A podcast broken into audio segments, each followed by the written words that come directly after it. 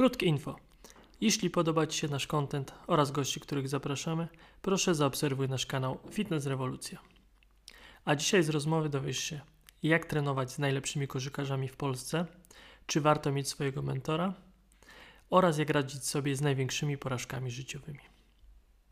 No i najważniejsze, dowiesz się, czy Artur Pacek sprzątał u Tima Grovera. No to zaczynamy. Siemano, witajcie na kanale Fitness Rewolucja. Ja nazywam się Piotr Czajkowski i dzisiaj będę miał przyjemność gościć na kanale Artura Packa. Cześć Artur. Cześć Piotrek, e, dziękuję bardzo za zaproszenie i witam wszystkich e, naszych słuchaczy. Jesteśmy w Ostrowie Wielkopolskim, ponieważ Artur był tak zapracowany, że nie mógł dojechać do Warszawy. E, no ale mam nadzieję, że merytoryką tutaj nadrobimy tą, tą podróż. Tak, postaramy się, dokładnie, postaramy się. I dodatkowo jeszcze wieczorem jest mecz Artura drużyny w Ekstraklasie koszykówki Ostrów Arka Gdynia, więc dziękujemy za zaproszenie i też Wam dam znać na Instagramie, na social mediach, jak tam było na meczu. A my przechodzimy do startu rozmowy. Kim jesteś, Artur, i czym się zajmujesz jeszcze dla słuchaczy, którzy Cię nie znają? E, nazywam się Artur Pacek. E, przede wszystkim jestem trenerem przygotowania e, fizycznego i w taki sposób chciałbym być w głównej mierze e, kojarzony. E, oprócz tego e, jestem również autorem kilku książek, jestem również wykładowcą, prowadzę szkolenia, więc pokrótce, pokrótce to jest taki no, kró- moje krótkie bio. No dobrze, Arturze, e, powiem tylko jeszcze szybko, żebyś wiedział, jaki jest e, schemat rozmowy. Rozmowa jest tak podzielona jak budowa jednostki treningowej. Zaczynamy od rozgrzewki, właśnie od przedstawienia. Później przechodzimy do części głównej, e, w której będą te, te główne nasze e, pytania. I następna część to część metaboliczna, tam przejdziemy do Twoich finansów, życia prywatnego i na koniec wyciszenie troszkę już takich, e, no już prawdziwej prywaty. No, widziałem właśnie, że bardzo ciekawie zbudowany pomysł na, na, na podcast. E, tak zgodnie z zasadą progresji widzę, że na końcu będą najcięższe, tak, najcięższe tak, rzeczy. Tak, więc rozgrzewamy się. Teraz część główna, słuchaj, start why, czemu robisz to, co robisz? Czemu robię to, co robię? E, bardzo dobre pytanie. E, uważam, że mm, większość z nas powinno zadawać sobie to pytanie po to, żeby wiedzieć w jakim kierunku i w którą stronę powinno podążać e, to, w którym miejscu jesteśmy, w którą stronę e, e, podążamy. W pierwszej kolejności to jest chęć pomocy innym i tym tak naprawdę od początku się kierowałem, bo moja historia jest dosyć dosyć no, taka, która, taka, która narodziła się z porażki. Dlaczego z porażki? Bo będąc na studiach e, grałem w koszykówkę, tak naprawdę z koszykówką i w ogóle ze sportem, szeroko pojętym sportem. E, jestem związany od e, lat młodzieńczych, od czwartej klasy podstawówki, na początek piłka nożna i później już na stałe od piątej klasy podstawówki non-stop koszykówka do czasów studenckich. Studiowałem w Gorzowie Wielkopolskim. Tą uczelnię wybrałem też ze względu na to, że chciałem e, grać w kosza. Tam była drużyna trzecioligowa, później drugoligowa, e, gdzie awansowaliśmy właśnie do, e, do drugiej ligi. Natomiast w pewnym momencie swojego życia zdałem sobie sprawę, że no nie będzie to rzecz, którą będę robił, z której będę mógł żyć i w której będę mógł funkcjonować. I z racji też tego, że bardzo dużo czasu poświęcałem na własny trening, czasami robiąc to totalnie bez głowy, bez pojęcia, e, z wielu względów, bo nie było e, dostępu do, do tej wiedzy, którą mamy teraz. Wtedy nawet chyba nie miałem komputera, telefon, nie miałem Facebooka, zresztą nawet tam dopiero gdzieś mhm. w Polsce ten Facebook stał się, stał się popularny. O Instagramie nawet nie, nawet, no nie słyszałem, że coś takiego jest. Mhm. To jaki ty rocznik jest? więc, generalnie, e, więc generalnie to były takie czasy, w których tą wiedzę zdobywało się albo przez popełnianie własnych błędów, mhm. E, albo rozmowy ze starszymi zawodnikami, albo jeżeli się miało trenera, no to trener, który gdzieś tam tobą e, kierował. Z racji tego też, że gdzieś tam ciągle było mi mało, jak ciągle chciałem się rozwijać, no to po prostu bardzo dużo trenowałem. Tak jak wspomniałem, było to często bez głowy, no i gdzieś najnormalniej w świecie zamiast się skupiać na tym, co umiałem i robiłem dobrze, skupiałem się na tym, czego nie umiałem, mhm. i to po prostu spowodowało, że y, czy się wypaliłem?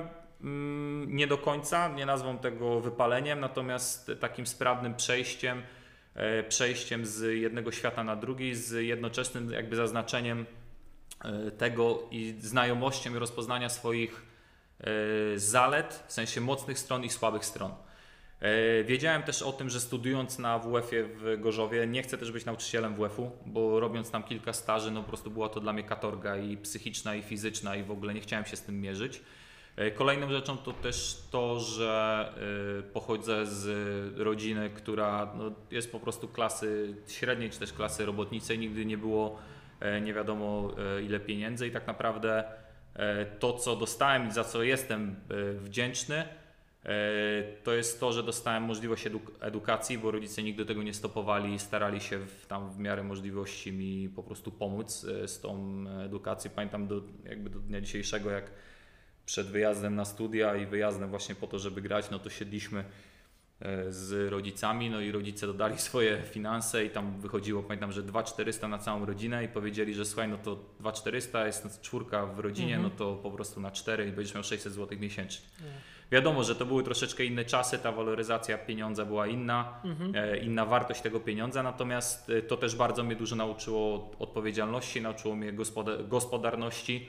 E, drugą rzeczą, którą dostałem od rodziców, to jest poprzez ich wzór, to że po prostu ciężka praca, tak? bo widziałem, że oni bardzo ciężko pracowali. oczywiście ta praca była no, pracą albo gdzieś w fabryce, albo była pracą związaną z E, bardzo takimi podstawowymi rzeczami, ale to ukształtowało we mnie jakieś takie poczucie, że e, jest to niesłychanie, niesłychanie ważne i jak, jak to wiadomo w życiu, później gdzieś tam e, dobieramy sobie mm, pewne osoby, teorie, spostrzeżenia, światopogląd właśnie pod to, co mamy gdzieś tam zakodowane w nas, w nas samych. Mhm. I dzięki temu no, zrozumiałem, że no nie chcę ani tak żyć, ani nie chcę po prostu powiedzmy wracać w miejsce, z którego wyjechałem mhm. E, i musiałem coś robić. No i patrząc też, e, szukając gdzieś tam w internecie jakichś inspiracji, wtedy tam YouTube był dosyć popularny, e, znalazłem osobę, która trenowała właśnie z koszykarzami najlepszymi na świecie, Michaelem Jordanem, Dwaynem Wade'em, Kobe Bryantem i pierwsze, na samym początku, no po prostu starałem się poprzez obserwację i oglądanie YouTube i tego, co oni tam robili na wideo, no to robić po prostu to samo w swoim treningu. Widziałem, że po prostu to nie działa. Mhm. No i napisałem wiadomość y, do, do tej osoby.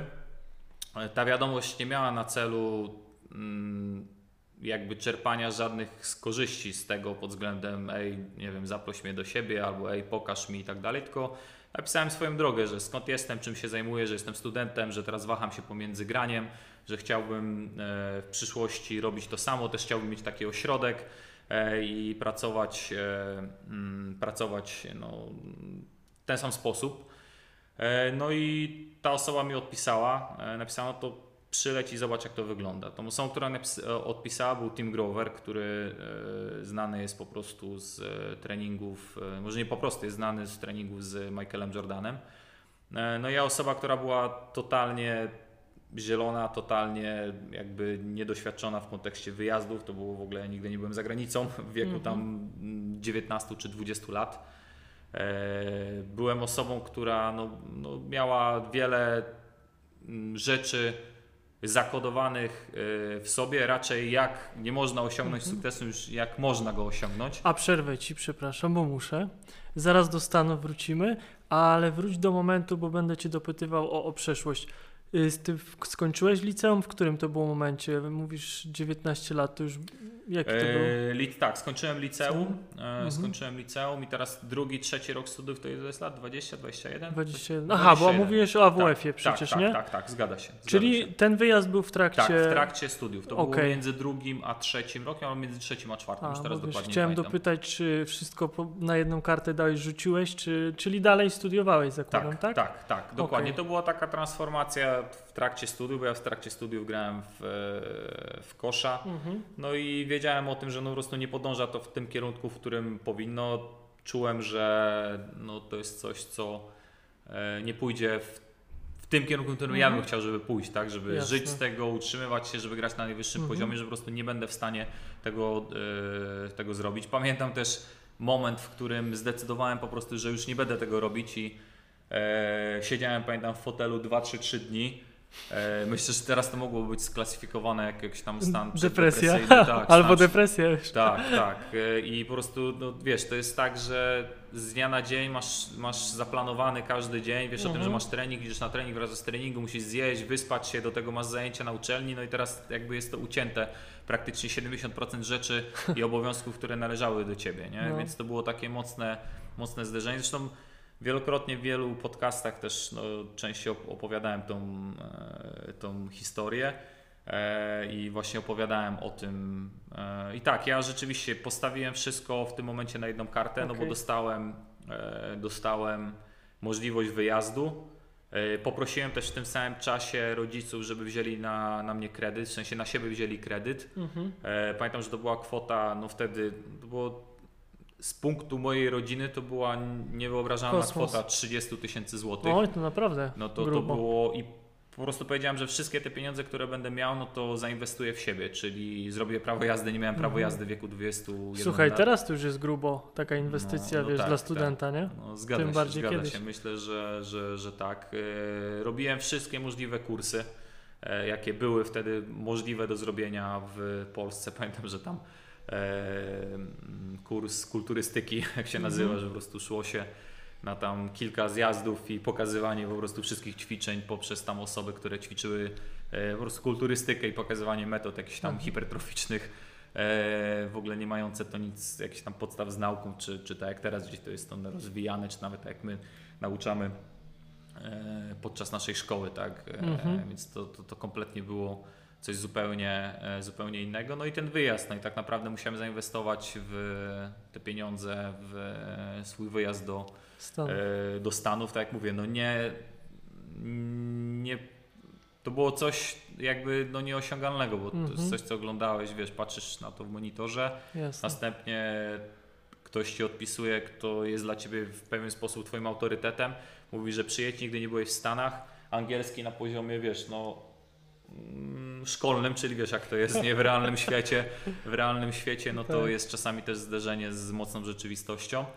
E, więc myślę, że to był taki bardzo mocny, znaczy to był najważniejszy punkt przełomowy e, no, w moim życiu No. w tamtym okresie. Y, Słuchaj, z, z, rozumiem Cię w 100%, tak słucham i mówię, kurde, ja miałem mega podobną historię, wiesz, myśl, ja Artura nie znam, mimo że razem organizujemy konferencję, na którą serdecznie Was zapraszamy Tak jest. 2 grudnia, to tak naprawdę dopiero się poznajemy, więc, więc też słucham z ciekawością i y, też, słuchaj, grałem w kosza po drugich, Mhm. pierwszych ligach i wspomniałeś, że o wypalenie. To ja bym to nie klasyfikował jako wypalenie, tylko jak widzę po Twoim mindsetie, i ja mam podobny, po prostu wiedzieliśmy, że nie pójdziemy na szczyt, czyli nie będziemy Tak. grać w ekstraklasie i wyżej, więc mówimy, come Tak. trzeba zrobić gdzieś, gdzie będziesz Tak na topie, a Tak, nie tak, grał tak. po tych To drugich Kobe ligach, Bryant nie? mawiał, że reality of situation, czyli po prostu rozpoznanie sytuacji, w której jesteśmy. Myślę, że Mhm. dużo osób w dzisiejszych czasach ma z tym problem, że nie do końca wiedzą,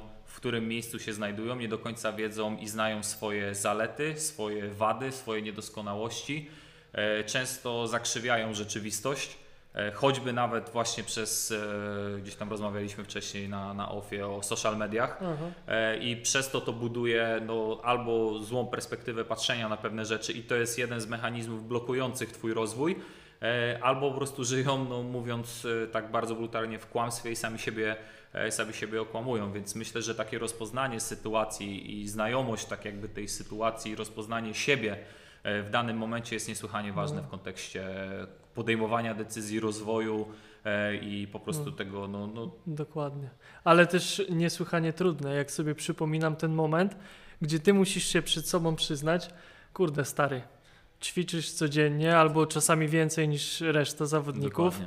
Ale prawda jest taka, że ty nie będziesz grał w ekstraklasie tak. i musisz to sobie powiedzieć prosto w twarz, to było w chuj ciężkie, no Dokładnie, ale dokładnie. pewnie rozumiesz No to. tak, tak, to jest dokładnie, to jest dokładnie to, co Piotr powiedziałeś i w 100% ja pamiętam, że to było, no, to było niesłychane zderzenie takie z, oczywiście ja automatycznie tak jakby przetransferowałem się, wyjechałem ze, do, do Stanów i bardzo mocno się tym zachłysnąłem, tak jakby tym, co jest tam i co widziałem i co obserwowałem. I Mhm. jakby to mi też pozwoliło, e, pozwoliło płynniej przez to przejść, bo miałem też jakiś bodziec z zewnątrz. Jakby trafiłem no, w takie środowisko i poziom, który w tamtym momencie był no, najwyższy na świecie, więc ja nie mogłem dotknąć niczego więcej. To mi pozwoliło i nadało jakiegoś rozpędu. Mhm. Natomiast pamiętam, tak jak, tak jak wspomniałem, pamiętam te 3-4 dni, w których siedziałem w fotelu.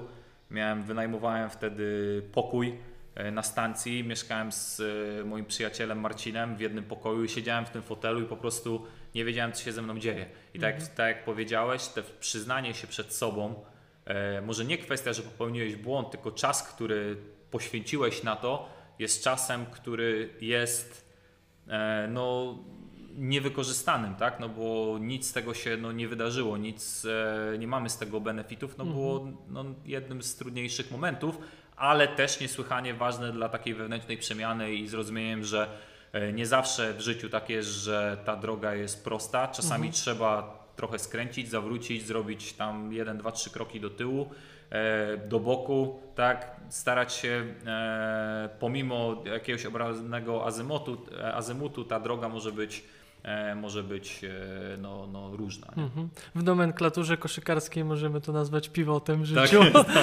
I, Dokładnie I razem tak, mieliśmy tak, taki tak, pivot. Tak. Albo crossoverem. Tak, dokładnie. Więc zrobiłeś mocny crossover. No i, Tak. i wróćmy właśnie teraz do tych Stanów, bo ja właśnie e, wspomniałem tylko, że, że sporo też historii słyszałem e, w branży o, o Twoim wyjeździe Mhm. do Stanów, właśnie w szczególności o, o współpracy z Teamem Groverem. Mhm. No i, i też była tak, jeden z takich mitów, który, który krążył, bo my się nie znaliśmy. Mówię, ty, a widziałeś tego Packa, teraz tą szkołę mają. Poleciał do tych Stanów, zrobił sobie zdjęcie z tym Groverem Mhm. i, i wielki trener teraz, że tam z nim współpracował. Ja mówię w sumie, no nie wiem, nie oceniam, ale tak, tak krążyło, tak, takie to a wiesz. propos, tą historię mm, wielokrotnie opowiadałem i jestem bardzo wdzięczny e, teamowi za, za to, że dostałem tą szansę. Wielokrotnie opowiadałem tą historię, natomiast też taka fajna mm, anegdota a propos tego, co powiedziałeś. E, Pewnie większość z Was kojarzy e, Last Dance z Michaelem Jordanem. Tam Tim też występował w tym, w tym filmie. No i pamiętam, że siedziałem sobie, oglądałem, e, oglądałem, to była akurat pandemia, oglądałem sobie e, ten serial, oni akurat wypuszczali tam pod, pod dwa odcinki. E, Akurat był Tim, zrobiłem mu zdjęcie, mówię, wysłałem mu. E, No i on mi odpisuje, e, mówi, wiesz co, ludzie piszą do mnie z Polski, czy, czy ty aby na pewno byłeś u mnie i, i trenowałeś, nie? I sobie myślę tak, słuchajcie, e, w sensie myślę sobie tak, no możesz, masz gościa, którego możesz zapytać o wszystko na świecie związane z treningiem, z jakimś mindsetem i tak dalej i ktoś wysyła mu wiadomość z zapytaniem, czy, czy aby na pewno Pacek, Pacek u Ciebie, u Ciebie trenował, więc, więc to było po prostu no też e, przezabawne. E, Czyli widzisz, no. trochę, trochę w tym było. tak, tak, więc, więc myślę, że na pewno, na pewno tak jest. E, Wiesz, ja spędziłem pół roku e, i tak naprawdę. e, A wróćmy jeszcze, bo, bo ja też chcę właśnie słuchaczom dawać takie tipy, jak dojść do jakiegoś momentu i na, chodzi mi tutaj o ten moment, jak się do niego dostałeś. No, powiedziałeś, że napisałeś maila, tak? Tak, e, byłem w tym swoim w e, cudzysłowie trudnym momencie w życiu, w Aha. którym musiałem wiedzieć, musiałem wiedzieć, e, w którą stronę e, muszę kierować. E, Z racji też tego, tak jak wspomniałem, ja musiałem się w jakiś sposób utrzymywać Mhm. e, i jedną z rzeczy, którą zacząłem robić, to e, zacząłem pracować jako trener personalny. I możesz wiedzieć czy nie, ale po tygodniu, dwóch ty- wiedziałem o tym, że to nie jest praca dla mnie, że nie Okej. chcę, nie chcę przychodzić i ciągle słyszeć to, że e, chcę schudnąć, ale chcę schudnąć w tym miejscu, nie chcę zbudować za dużo masy mięśniowej, żeby nie wyglądać jak facet w przypadku kobiet. I wiedziałem o tym, że to nie jest kompletnie praca dla mnie. Okej. E, W tym samym miejscu, to wtedy tak było, nie wiem czy pamiętasz, że były kluby fitness, czasami klub, kluby sportowe po prostu przyjeżdżały na ten klub fitness, bo nie miały swojej siłowni, zresztą do, do tej pory tak jest. I po prostu jakiś jeden tre, e, trener randomowy właśnie z siłowni prowadził tą drużynę. I często na przykład robił, nie wiem, no jakieś elementy tabaty, jakiś Reebok Pump i tego typu rzeczy i to był trening przygotowania fizycznego dla sportowców. I taką drużyną, która przyjeżdżała, to była Stal Gorzów, czyli żużlowcy, między innymi Tomek Golob, bo Tomek Mhm. Golob e, też tam był. No i oni przyjeżdżali całą drużyną. No i jakby ja może nie tyle co odpowiadałem, ale czasami byłem delegowany, to w ogóle śmiesznie brzmi, tak? No bo na dzisiejszym czasie, tak jakby wiesz, no z- Bartkiem, z Marzlikiem prawdopodobnie to z Marzlikiem, no to każdy chciałby trenować. Natomiast to było tak, że a dobra, no to e, szef klubu idź zrób z nimi tam zajęcia Reebok Punk, tak? No i ja zaczynając, tak jakby miałem e, możliwość tam kilka razy trenowania, mówię o, to jest to, co chciałbym robić, nie? Mówię, to jest zupełnie inny poziom poruszania się, in, zupełnie inny poziom Motywacji. e, motywacji, zaangażowania. Natomiast w tamtym czasie nie było social mediów, nie było trenerów. W ogóle funkcja trener przygotowania motorycznego, fizycznego to była no, prawdopodobnie tylko i wyłącznie w piłce nożnej w tych najlepszych klubach. Często to były osoby, które były zatrudniane e, z przypadku w ogóle bez kwalifikacji, bez jakiegoś doświadczenia e, i one się zajmowały e, drużynami. E, No i ja też przez to, że szukałem tej inspiracji właśnie na YouTube, był taki cykl filmików NBA Fit, gdzie NBA wypuszczało filmiki z różnymi zawodnikami, Gilbert Arenas, D. Wade Wade, Kobe Bryant, Ray Allen, Rip Hamilton, Sam Cassell i oni pokazywali jakieś swoje ćwiczenia, które robili, czasami jedno, czasami dwa. No i ja oglądając to, robiłem to samo. E, Tam, gdzie był Kobe, tam, gdzie był D-Wade, tam był Gilbert, był też Tim Grover. No i stąd ja zacząłem szukać i znalazłem po prostu, e, znalazłem e, maila. Wtedy jeszcze mój angielski był na takim poziomie, że prosiłem moją koleżankę e, Magdę, która... Pozdrawiamy tak, Magdę. Tak, tak, która była przyjaciółką mojej kuzynki. Mówię, słuchaj, czy pomogłabyś mi, jak ci napiszę po polsku, to mi to przetłumacz, ja to wyślę. No i tak się stało, ona mi to przetłumaczyła, ja to wysłałem. No i wysłałem tego maila, no i z tym mailem, no jakby, no ja w ogóle zapomniałem, na, na następny dzień, e, na następny dzień, e, bo c- nie wiem, czekałem z Marcinem, z moim przyjacielem na jakieś notatki ze studiów, ta, tak to pamiętam. No i patrzę, że dostałem wiadomość zwrotną. No to skoro jesteś tak zaciekawiony tym i tak e, interesujecie, to czemu nie przylecisz tu i nie zobaczysz tego, jak to wygląda? No i ja zamarłem, no bo to było coś dla mnie jakby surrealistycznego.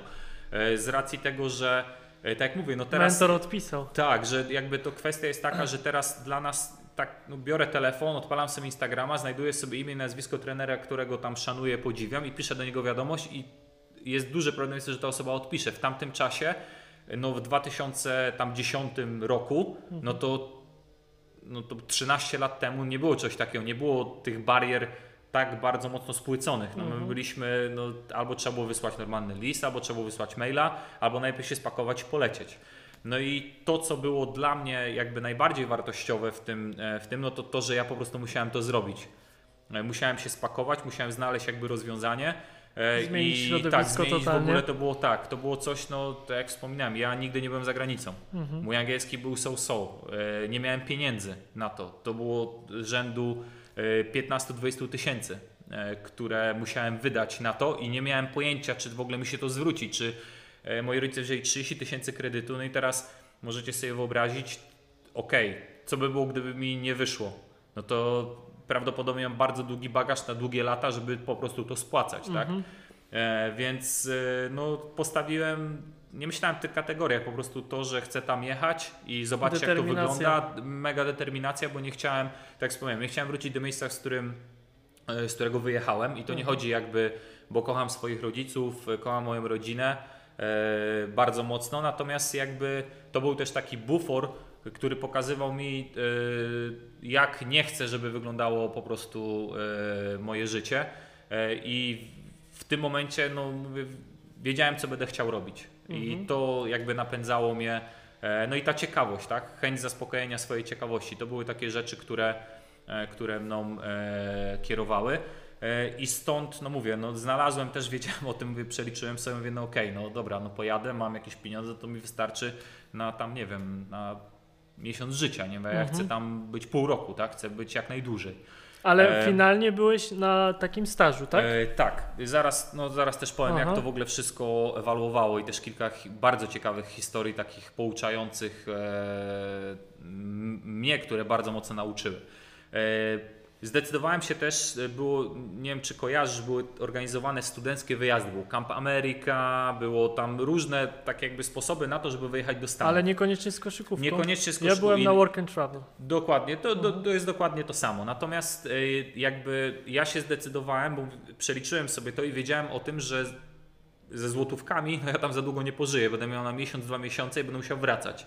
Więc aplikowałem właśnie na taki work and travel po to, żeby pojechać i popracować sobie 2-3 miesiące i zarobić dolary. I też, żeby dostać wizę pracowniczą, dostać tak jakby e, no, możliwość tego, żeby zarobić pieniądze. Ja przez pierwszy miesiąc, pierwsze dwa miesiące e, przez pierwsze dwa miesiące pracowałem po prostu na kampie dla dzieci, takim w ogóle niezwiązanym ze sportem, na zmywaku. I zmywałem po to, żeby zarobić pieniądze. I po tym okresie te pieniądze, które zarobiłem, zabrałem i pojechałem do, e, do teama, do Attack Athletic. I mając jakby dolary i mając jakby te, te możliwości e, no, większe finansowe, e, będąc już w Stanach, zabukowałem sobie miejsce do spania. Kompletnie nie wiem, gdzie to jest. No i doleciałem, bo to było w nowym, pracowałem w Elizaville pod, w stanie Nowym Jork, niedaleko Albany. E, A Grover był w Chicago, E, tak? Rower był w Chicago. No i skończyłem tą pracę, dostałem pieniądze, wiązałem się jakby z tej umowy, którą tam było, bo to się podpisywało umowę na określony czas i Mhm. tak dalej, bla, bla, bla. No i stamtąd e, wsiadłem w samolot, poleciałem do Chicago. Wsiadłem w Chicago, no jeżeli ktoś był w Chicago, no to tam są kolejki, metro jest mniej popularne, ale są kolejki, są różne kolory. Dostałem mapkę, oczywiście tam wtedy Airbnb e, mocno hulało, w Polsce w ogóle to nie było popularne. Ja sobie znalazłem jakiś tam w ogóle nocleg na ten czas, za w ogóle 900 dolarów, co było e, no kurde, no strasznie małą sumą, nie? No ale okej, nie? No i też tak mówię, tknęło mnie. Mówię, dobra, no to napisałem do tej kobiety, mówię, wie pani co, ja zapłacę za tam trzy noce, a jak przyjadę dam pani gotówkę, bo nie chcę płacić, no tam prowizji tej, a ta Aha. prowizji było kilkaset dolarów, no to ja sobie to wszystko przeliczałem, żeby mi to po prostu wystarczyło. I też było tak, że mi Tim powiedział, że on mi nie zapłaci za to, nie? Za, za mój pobyt tam i za pracę. E, więc to wiesz, ja wsiadłem w kolejkę, wsiadłem w niebieską, która leci z, właśnie z O'Hare na lupie, przesiadłem się, wsiadłem sobie w zieloną, no i siedzę sobie w tej zielonej kolejce, no i mówię, kurczę, nie, no coś jest nie tak, nie, mówię sami, e, żeby nie było, że jestem rasistą, ale mówię, no sami ciemnoskórzy, mówię zapach marihuany, e, Lil Wayne, mówię okej, zaczyna się szaro robić, wychodzę z tej kolejki, schodzę sobie po schodach, miałem dojść do skrzyżowania, wchodzę sobie do, do tego skrzyżowania, podjeżdża policja. No i e, zatrzymują mnie i pytają się, co ja tu robię. Ja mówię, że no, przyjechałem na staż, zaczynam opowiadać całą historię, mówię, że muszę wsiąść teraz w autobus i tam kilka przecznic pojechać, tam jest mój nocleg, który wziąłem. No i oni mówią, czy zdajesz sobie z tego sprawę, że ty na ulicy i my w, furgo, w e, samochodzie to jedynie biali na dzielnicy, a że ta dzielnica jest jedną z najbezpieczniejszych dzielnicy w e, całych Stanach, e, Inglewood, a ja mówię, że no nie, nie mam pojęcia. I mówi, gdzie jedziesz? Pokazałem kartkę i mówi, słuchaj, tydzień temu w tym domu zabili człowieka. Jeżeli chcesz, my cię tam zawieziemy, ale to jest tylko i wyłącznie na twoją własną odpowiedzialność. No i wiesz, ja w jednym grubo. momencie mówię, Grubo. pierwszy raz za granicą, mówię, o, mówię, to ja nie wiem, rozpłakałem się. I mówię, że no ja nie wiem co mam robić, nie? Mówię, mówię mam pieniądze, no okej, no mówię, możemy ci znaleźć hotel, no ale ten hotel, by, te pieniądze, które miałem na ten hotel, to mi wystarczyło na kilka dni. A ja e, bilet powrotny miałem zabukowany na kilka miesięcy w przód. No. Mówię, co ja mam zrobić? No, znalazłem się w sytuacji, która była mega niekomfortowa. Nagle przyjechało sześć innych radiowozów, wszyscy na sygnale. No i podchodzi jeden e, policjant, okazało się, że jest Polakiem. W sensie e, wyjechał bardzo wcześnie, mówił tam po polsku. No i mówi do mnie, że no słuchaj, no tu jest bardzo niebezpiecznie, to jest rzeczywiście bardzo niebezpieczna dzielnica, tutaj zrobią ci krzywdę na pewno prędzej czy później. Mówi, że ta kobieta, której jedziesz jest ok, ale wszystko dookoła no to jest, Nie jest okej. to, jest to nie jest ok. Nie? I przyjechała następna osoba, Krysia, e, która e, też była policjantką, no i ona zadzwoniła do swojej siostry. To w ogóle też jaka historia, nie? Wiesz, no z kosmosu, tak? Że zadzwoniła do swojej siostry i zapytała się, że powiedziała, że ma, ma, znaleźliśmy naszego, nie? Czyli że Polaka i czy mo, mogłabyś go przenocować, nie? No i ona mi pomogła, ona mnie zabrała i zabrała mnie do swojej siostry. Do, e, no po prostu do, do, do domu, tak? Więc O, jaka w mega. ogóle no niesamowita. My mamy do dzisiaj kontakt, mam bardzo dobrą, ja wielokrotnie jak jeżdżę, to zawsze latam do nich. E, czy jak latałem właśnie do Chicago, to zawsze zatrzymywałem się e, zatrzymywałem się u nich, więc e, no, niesamowita historia. Ona, była, ona jest policjantką. No i też mi cały opowiadało. Mi zabrali, ugościli mnie, zostawili mnie. E, Mieszkałem u nich w tym okresie czasu. A na jak, jakie to były lata wtedy w Chicago? 2011. A, no to wiesz, to jest ta y, Prosperity, jeśli chodzi o Polonię y, w Chicago. Tak. Bo ja też byłem akurat, to pamiętam, że fajna była ta społeczność Polonii. Tak, e, to Więc było mega też trafiłeś, tak, to mega, mega, nie? no mega, mega, mega historia, no i też e, oni no, mega mnie ugościli, w ogóle dali mi swój basement, w sensie piwnicę, no to jest troszeczkę inaczej niż jak w Polsce, no w Polsce piwnica, no to wiadomo, Komórka czy się kojarzy, a tam normalnie miałem pokój, miałem e, sauna, była kuchnia, więc ja miałem, dobry dostałem i basement. jakby oni poprosili mnie, mówi, że słuchaj, dobra, ale chcielibyśmy, bo my pracujemy, żebyś tam pomagał opiekować się w wolnym czasie i dziadkiem, tam dziadek e, Bruno, e, niestety jakby już nie żyjący, też się, no, świetna historia, bo ja spędzałem zawsze jak wracałem, późno siedzieliśmy, on mi bardzo dużo opowiadał właśnie o tym, jak Polacy emigrowali i tak dalej, więc Mhm. no też e, niesamowita historia i też e, niesamowitych ludzi, przyjaciół po prostu poznałem, którzy mi pomogli.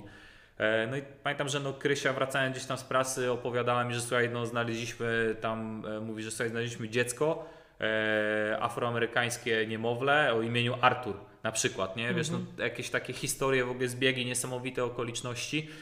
E, No i ona mi opowiadając mówi, że to rzeczywiście jest mega niebezpieczna dzielnica, że w ogóle w, w stanie myślą, żeby wprowadzić tam wojsko, nie? Że, Aha. że bardzo niebezpieczna. Nie wiem jak jest teraz.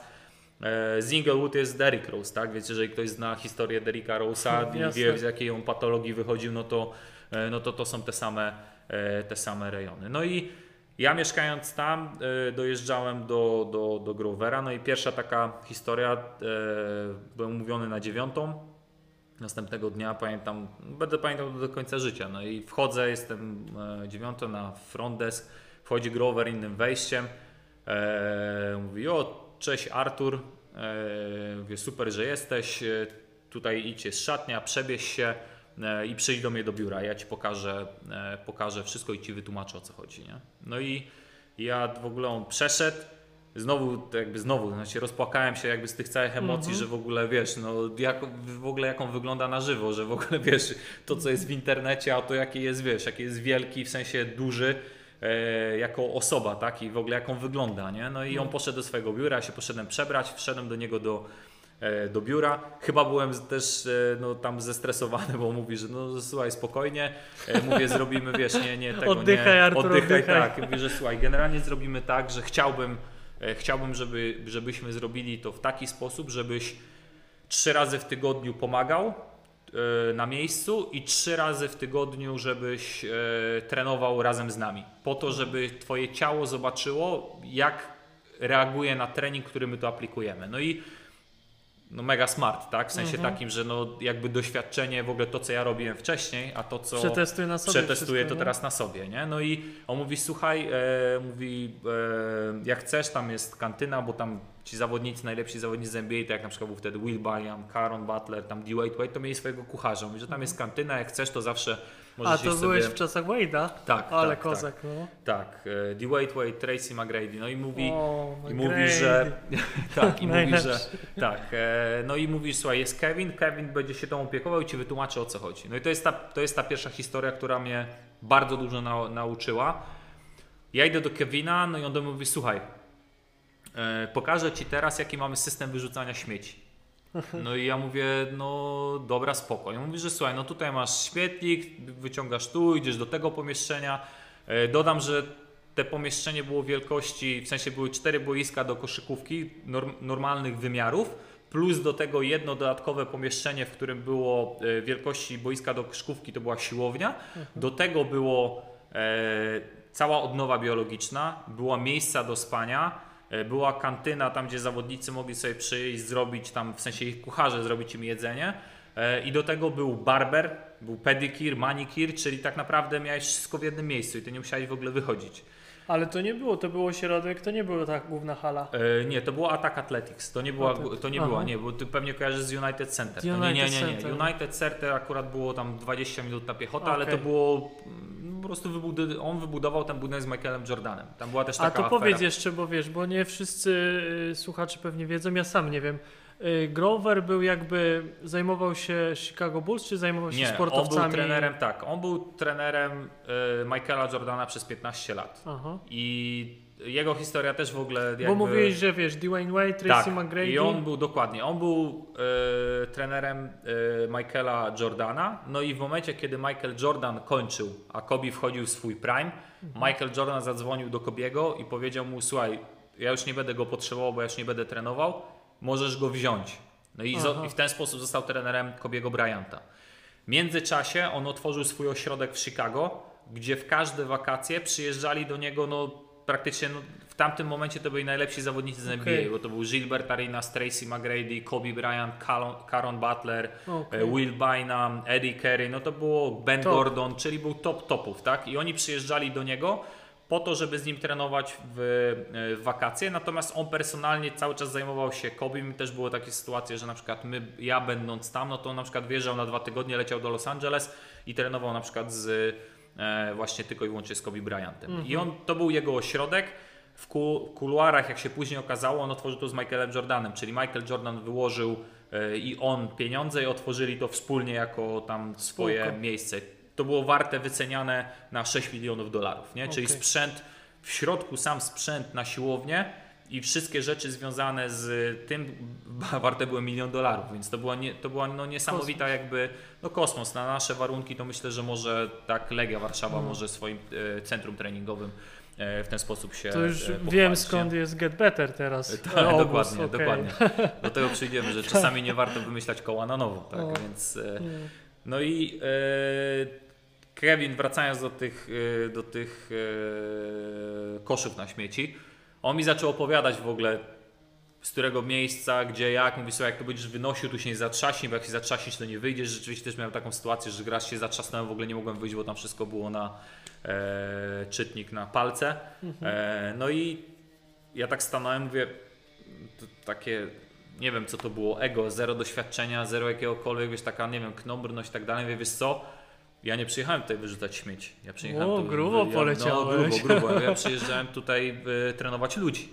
I on do mnie mówi, okej, to idź to powiedz Timowi, nie? No i ja wychodzę, no i tak stanąłem, zacząłem się nad tym zastanawiać, otwierają się drzwi i wychodzi Tim Grover z workiem na śmieci.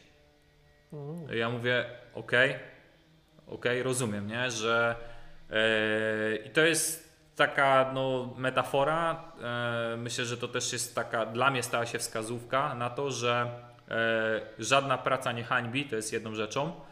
E, drugą rzeczą to jest jakby przez to, co kreują social media w dzisiejszych czasach i w ogóle świat, to każdy ma wyobrażenie, że ta pra praca to jest po prostu miód, malina i spijanie po prostu tylko i wyłącznie tych najlepszych rzeczy, ale ta praca też ma wiele takich rzeczy, które no, nie każda osoba będzie w stanie sobie, e, sobie poradzić. Ja też uważam, że warto mieć przepracowane fundamenty od podstaw, po to, żeby lepiej rozumieć to, co jest gdzieś tam na samym końcu czy na samym szczycie, że bez tego ciężko później rozpoznać, co jest prawdą, co jest fałszem, ciężko tak jakby zrozumieć wartości i to, co jest najważniejsze w tej pracy. Wiele osób e, wiele osób ma postrzeganie i każdy chciałby z nas trenować Roberta Lewandowskiego, e, każdy chciałby nas, e, nie wiem, trenować właśnie wcześniej wspomnianego Bartka, e, Bartka Zmarzlika, czy najlepszych sportowców na świecie, ale mało kto sobie zdaje sprawę, ile poświęceń, wyrzeczeń i ciężkiej pracy to wymaga, żeby rzeczywiście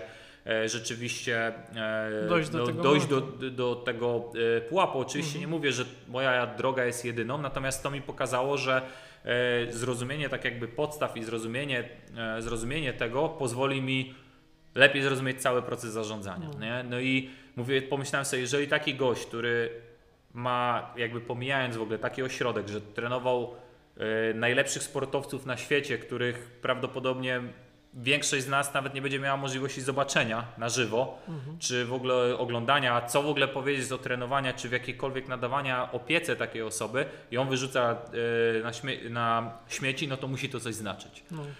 Bardzo szybko mi się to, bo to była niesłychana duża szkoła życia dla mnie z wielu względów. Musiałem automatycznie pewne swoje ograniczenia, ego, sposób rozumowania bardzo szybko update'ować i dostosować do sytuacji, w której jestem. No i e, mówię, ok, zbłaźniłbym się i prawdopodobnie był spakowany i wracałbym już do Polski, gdybym poszedł do niego i powiedział, że ja nie będę śmieci wyrzucał, gdzie on sam to robi. I było coś takiego, że ja sobie postanowiłem, że ja będę robił wszystko, co jest możliwe do tego, żeby zrozumieć tak jakby jak funkcjonuje cały ośrodek i w ogóle no chciałem wyciągnąć wszystko. I było na przykład, oni mieli zasadę, że ten parkiet, czyli te cztery boiska do koszykówki oni zmywali raz na trzy dni. Czyli przyjeżdżała tam, e, było takie zadanie, parkiet i zmywanie tego co trzy dni. No to ja sobie postanowiłem, ok, ja będę robił to codziennie, nie? że będę przyjeżdżał każdego dnia. Mieszkałem 20 km od, poruszałem się komunikacją miejską, więc musiałem wstawać każdego dnia między 4.30 a 5. Jechałem godzinę, co najmniej godzinę do pracy. Byłem tam około 5.36 i każdego dnia zaczynałem to od zmywania parkietu, wynoszenia śmieci i tak dalej. Proste czynności, które jakby budowały pewne, rze- pewne rzeczy. Ale wiesz co, i z, tym, z tymi śmieciami, ja mam jeszcze jeden feedback, bo z perspektywy biznesu też byłem w Stanach i jak mi Mhm. opowiadałeś o tych śmieciach, wiesz co pierwsze, co, na co zwróciłem uwagę? Kurwa, oni wszędzie mają system. Do, każdy, do, tak. każdego, do każdej czynności mają proces, system Dokładnie. I to jest mega fajne. Tak jak mówisz, żeby się nauczyć od nich też, jak oni zarządzają Tak, takim obiektem. Nie? Dokładnie, bo to też jest oprócz kwestii, jak ktoś powie, o wiesz, nie, nie, nie zrobię tego, nie? Albo o wiesz, e, nie wiem, moja duma, mój honor, moje ego mi nie, nie pozwala. Ja bardzo często też e, mm, właścicielem klubu tutaj w Ekstraklasie, e, właśnie Arget, e, BM Slam, Stal, Ostrów, to jest pan Paweł Matuszewski. Mhm. E, Jest on jednym z najbogatszych ludzi w Polsce i dla niego klub to jest, e, nie chcę powiedzieć, że zabawka, bo to byłoby krzywdzące, tylko to jest coś, co on stworzył z pasji. Mhm. I też jestem mega wdzięczny, że mam możliwość, miałem możliwość wielokrotnie spotkać się z nim i zobaczyć, jak myślą w ogóle takie osoby i w jaki sposób, e, w jaki sposób Funkcjonują, e, funkcjonują. I mam jedną taką, e, taką e, sytuację. To, jest osoba, która e, zajmuje się hodowlą bydła, importem i tak dalej, i tak No, największa firma w Polsce, w ogóle import na, na cały świat.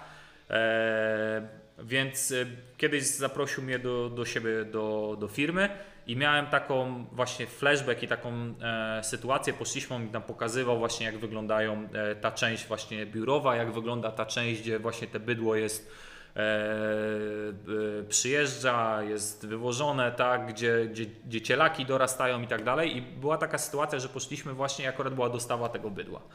No i no jak to teraz się uśmiecham, bo jakby pamiętam tą sytuację, e, jak to właśnie właściciel, e, właśnie pan Paweł Matuszewski, wiesz, no ubrany tak, e, no Jak biznes- Niesamowite buty, tak, biznesmen, stoimy sobie, on mi tu pokazuje, jesteśmy właśnie siano, jakieś tam łajno, jakieś tego rzeczy, płot i tak dalej, przyjeżdża te bydło, widzę, że tam pracownicy próbują rozładować te bydło, ale nieporęcznie i on mówi, poczekaj chwilę, przeskakuje przez płot w tych mokasynkach, że tak powiem, się często, często się śmieje, że te, ja to nazywam tam trumienki albo właśnie buty z krokodyla, przeskakuje przez ten płot i zarządza tym zaczyna zarządzać tym wszystkim, nie? Tutaj pogania, nagle te bydło w tym miejscu, które miało być, znajduje się, przeskakuje z powrotem ze mną normalnie rozmawia, nie? I, i sobie jakby to też był taki flashback, że w jakiś sposób takie osoby mają w ogóle, jak, jak wygląda ten mindset, jak w ogóle podchodzą do tego, nie? że my bardzo często, że osoba, która w, w jakiś pewien sposób jest niedowartościowana, w jakiś sposób nie, nie za, jak, to jest mocne słowo, zakompleksiona, ale ma może nieprzepracowane pewne rzeczy, powiedziałby, ja tego nie zrobię. No.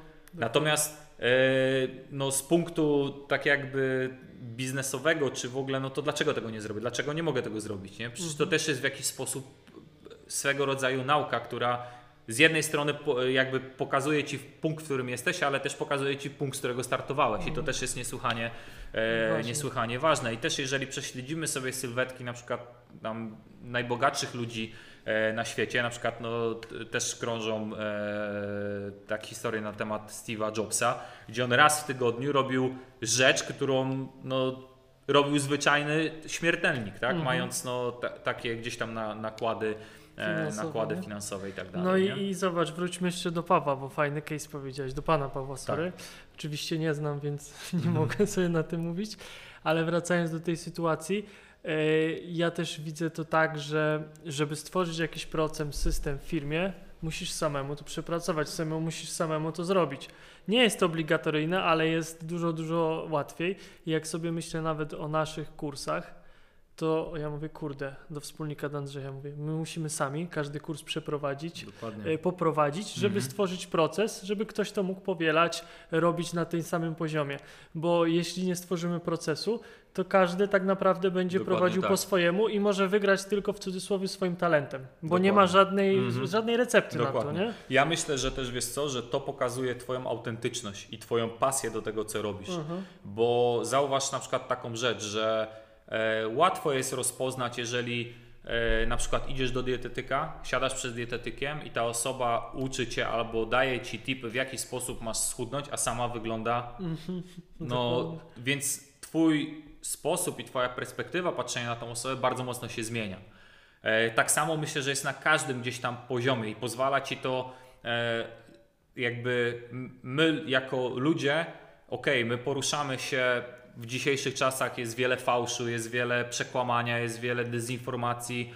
E, social media kreują czasami świat, który jest e, nierealny. Z jednej strony to lubimy, ale z drugiej strony po- podążamy i e, pragniemy tej autentyczności. Myślę, że takie sytuacje budują, budują autentyczność, budują szacunek, bo we mnie na przykład to zbudowało, bo na mnie zrobiło to ogromne wrażenie. Te dwie sytuacje zbudowały na mnie no, no niesamowite, niesamowity jakby światopogląd, że osoby na takim poziomie, na, z takim statusem e, są też normalnymi osobami, tak? I no, budowanie tej autentyczności też buduje w jakiś sposób e, buduje w jakiś sposób no, szacunek, nie? No dobra, słuchaj, e, wróćmy jeszcze do e, tych, tego parkietu, zamiatania parkietu.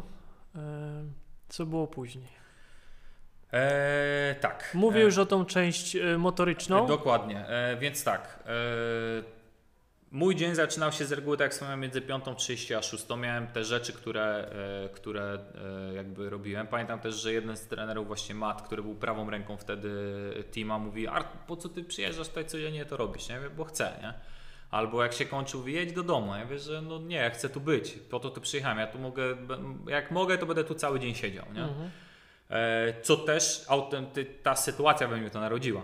Nie? Mhm. Że, ta, że okej, no przyjechałeś tu, wykorzystaj ten moment, tak? Na To 100%. Jakby, e, tak, na, na 100%. Nie? nie idź w półśrodki, nie? Nie, nie, nie, nie wyciągaj z tego, wiesz, no wyciągnij maksa z tego, e, co możesz. No i teraz jakby, mm, tak jak wspomniałem, trzy razy w tygodniu sam trenowałem i trzy razy pomagałem trenować e, inne osoby. E, Kolejną rzeczą, e, właśnie taka, która była dla mnie, e, która też mi otworzyła oczy, stałem pod koszem i zbierałem piłkę i podawałem piłkę. Nie? No i podaję tą piłkę, no i ktoś, coach, coach. W ogóle nie zareagowałem, nie usłyszałem tego. Hej, coach! Hej, coach! Tak patrzę, mówię, i woła mnie zawodnik, i woła na mnie trener. I No i okazuje się, i to był Tony Allen. Czyli to, no też jak ktoś się interesuje, no to, nie, To nie, niewiarygodne, niewiarygodne. No i teraz dlaczego o tym mówię? Następną mamy grupę i mamy osoby, które grały w koledżu, bo też przyjeżdżały zawodnicy, akurat w tamtym czasie było z Michigan State, e, zawodnicy z koledżu, którzy też przyjeżdżali, nie? Totalnie Dobra uczelnia. bardzo way. dobre uczenia. Totalny opozyt, nie? Czyli zupełnie druga strona, nie? Widać już mniejszy brak szacunku, mniejszy sposób zaangażowania tak. Nie chodzi tu o mnie, natomiast zauważyłem, że osoby na wysokim poziomie są bardzo coachable, czyli na przykład e, miałem też taką sytuację właśnie z Karonem Butlerem i taki, wiesz, no, zach, za, zachłysnięty w ogóle tą całą sytuacją. Mówię, Karon, ale on wraca wtedy po ACL, mówi, ale ty super wyglądasz i tak dalej. Mówi, Artur, nie mów do mnie, co ja robię dobrze i jak wygląda, w sensie jak dobrze wyglądam, bo to nic we mnie nie zmieni. To jest feedback, który nie sprawi, że będę lepszy. Powiedz mi, co robię źle, Dokładnie. bo ja będę mógł to poprawić. I niesłychany szacunek, nie? A z drugiej strony osoby, które były na niższym poziomie, właśnie takie ego, które ja miałem na zasadzie nie wyniosę śmieci, nie? Y, I to też jakby druga taka rzecz, że te osoby, które są na bardzo wysokim poziomie, potrafią o wiele lepiej słuchać, jakkolwiek to brzmi. Dlatego też mamy e, dwoje oczu i dwoje uszu, bo e, jedną, e, jedne usta, ze względu na to, że możemy dwa razy więcej widzieć i dwa razy więcej słyszeć niż mówić. E, I to też jest świetny, e, świetny case, e, tak jakby w ogóle też jakby no, sytuacja, która też mnie nauczyła, że muszę bardziej się być właśnie bardziej coachable, czyli bardziej słuchać i bardziej być nastawiony na tak jakby feedback względem siebie i na nie traktować zawsze, oczywiście nie, nie mówię tutaj hejtu, ale mhm. rzeczy, czyli takie powiedzmy te negatywne rzeczy, bo one będą sprawiały, że ja będę bardziej, bardziej wzrastał. Trzy razy też trenowałem i te treningi były no ja pamiętam, że ja przez trzy tygodnie chodziłem cały czas zakwaszony, nie? To była jeszcze taka sytuacja, że ja no, tak każdy pieniądz liczyłem, więc to jedzenie też było takie, tam wtedy Team Grover miał podpisaną umowę z Muscle Milkiem, więc ja te Muscle Milki to wypijałem z pięć dziennie. E, pamiętam, że był też e, bardzo dobre relacje. Nadwyżka proteinowa. Tak, więc miałem dobre relacje z Willem Bynamem, więc jak on przyjeżdżał, on mówi Art, chodź, zjesz, zjemy i robimy trening na przykład, nie? Będziesz mi tam pomagał i będziemy robić trening, nie? Więc jak on był, no to on był kucharz, robił jedzenie, ja to jadłem i to było w ogóle mój status w ogóle y, snu do wysiłku i właściwego odżywiania to w ogóle leżał i kompletnie. Natomiast e, to było też niesłychanie doświadczenie, w ogóle poznanie tego, tego wszystkiego. Tam poznałem e, bardzo mocno właśnie trening izometryczny, jak wykorzystać izometrię, w ogóle jak wykorzystywać te metody, trening ekscentryczny. E, więc to były pierwsza moja taka styczność z tak jakby z poznaniem metod i wykorzystaniem tego w rehabilitacji, w, e, właśnie u osób, które są na bardzo wysokim poziomie, jak to w ogóle aplikować, aplikować w treningu. Później z biegiem czasu, tam z tygodnia na tydzień i tak dalej, widziałem, że ta granica była przesuwana i też później jak rozmawiałem z Teamem, to on też to specjalnie robił, nie? bo on mnie testował za każdym razem. On był mega jako surowy, jako ojciec w niektórych sytuacjach. Było na przykład coś takiego, że yy, był trening i ja sobie siadłem do stolika, bo chciałem coś sobie zapisać, nie? No i było przerwanie treningu i gdzie ty kurwa jesteś, nie? Na treningu się nie siedzi, nie? Przyjechałeś tutaj, wiesz, i przy wszystkich, nie? I tam na przykład, e, na przykład, wiesz, no, nie wiem, 15 gości z NBA, nie? I dostajesz, wiesz, jesteś, jesteś dostajesz po uwagę, głowie. nie? Kolejna sytuacja, taka wiesz, że wiedział o tym, bo ja mu też tam dawałem do zrozumienia, że moim marzeniem, bo tam w mailu, e, że chciałbym grać, w, kiedyś myślałem, że będę grał w NBA, to się nie wydarzyło i tak dalej. I była jakaś taka sytuacja i przychodzi i mówi, e, to nie był dzień, bo to było poniedziałki, środy, piątki trenowałem, wtorek, czwartek, sobota trenowałem tak jakby innych, nie? To było no. na, na początku tak. I to był chyba wtorek albo czwartek, bo to na pewno nie był dzień, w którym ja miałem trenować. Ja mówię, masz buty? Ja mówię, no mam przebierz się, nie? I 14 będziesz grał, nie? Mówię, no dobra, nie? No i, no i wchodzę na tego, tam rozgrzewam się, zaczynamy biegać, gram, patrzę, rozglądam się, no i patrzę dziewięciu gości z NBA i ja na parkiecie, nie? I dostaję podanie tam od tego, podchodzi do mnie Will Bynum mówi, dostaniesz podanie, masz od razu rzucać, nie? I tam wiesz, ja sobie biegałem po prostu, nie? Albo broniłem, mówię, yy, broniłem Tonego Alena, nie? Biegam za Tonem Allenem, E, on rzuca piłkę o deskę, przeskakuje mi i robi wsad, nie? Wow, nie? Wie co jest grane, nie? W sensie w ogóle no, historia z, jakby z kosmosu. E, I też pamiętam, Czyli że... Czyli nie tylko sobie zdjęcie zrobiłeś jednak z tym rowerem. tak, znaczy generalnie było tak, że my mieliśmy zakaz... Tak, tak, tak, że generalnie było też tak, że był zakaz, nie, nie mogliśmy robić zdjęć, więc e, było tak, że on mhm. miał mega prywat, to był wtedy jeszcze lockdown, więc, bo, Boże, tak, w NBA E, jak to, jak to, nie lockdown, tylko lockout. I sezon lockout. był zawieszony. Tak, tak, był sezon zawieszony i było tak, że zawodnicy nie mogli oficjalnie prowadzić treningów, nie? bo to są A, takie okay. przepisy i nie można było robić żadnych zdjęć, więc ja praktycznie. No trochę mam... jak lockdown. Tak, tak, tak, dokładnie, więc nie można było w ogóle e, tego, więc to, to była taka historia. I jeszcze e, jedna rzecz, która no, cały czas w jakiś sposób on mnie wystawiał na, na takie na próby. próby. i wypychał mnie i ja później taką mieliśmy szczerą rozmowę. Ja miałem z nim bardzo, no do tej pory mam bardzo dobrą relację i mówię, że no dlaczego tak jakby no zdecydowałeś się na mnie, nie? Że czemu w ogóle, wiesz, bo też słyszałem historię, że były na przykład osoby, że pełno osób pisało, chciał przyjeżdżać, on to blokował, nie zgadzał się. On powiedział, że byłeś bezinteresowny, nie? I czułem, że masz tak jakby chęć i pasję jakby interesowała Cię wiedza, a nie to, że e, Będziesz chcesz przyjeżdżać z zawodnikami NBA. NBA nie? I miałem też taką sytuację, że w jednym z maili napisałem, zapytałem się, czy będę trenował zawodników z NBA. I on mi napisał, e, zastanów się, po co chcesz tu przyjechać, nie? Czy aby na pewno chcesz przyjechać w tym, w tym celu, którym mi napisałeś wcześniej, nie? I to było takie łup, nie? Że wiesz, no jednak osoby na pewnym poziomie mega chronią jakieś pewne takie rzeczy i jest to, wiesz, no mega e, ważne. No i też zrozumiałem, że nie mogę być nachalny, nie mogę być, wiesz, muszę być po prostu W cieniu, no, nie? nie, nie tak, że to nie chodzi o to, że ja mam iść się lansować. Zresztą tam, tam każdy był nastawiony na po prostu na efekty, nie? Tam, Mhm. tam nie było coś takiego e, przyjść, zrobić sobie zdjęcie i tak dalej. To czasami jak mam gdzieś siedzę wśród znajomych i mam e, taki znajomy właśnie e, Tomek, którego pozdrawiam.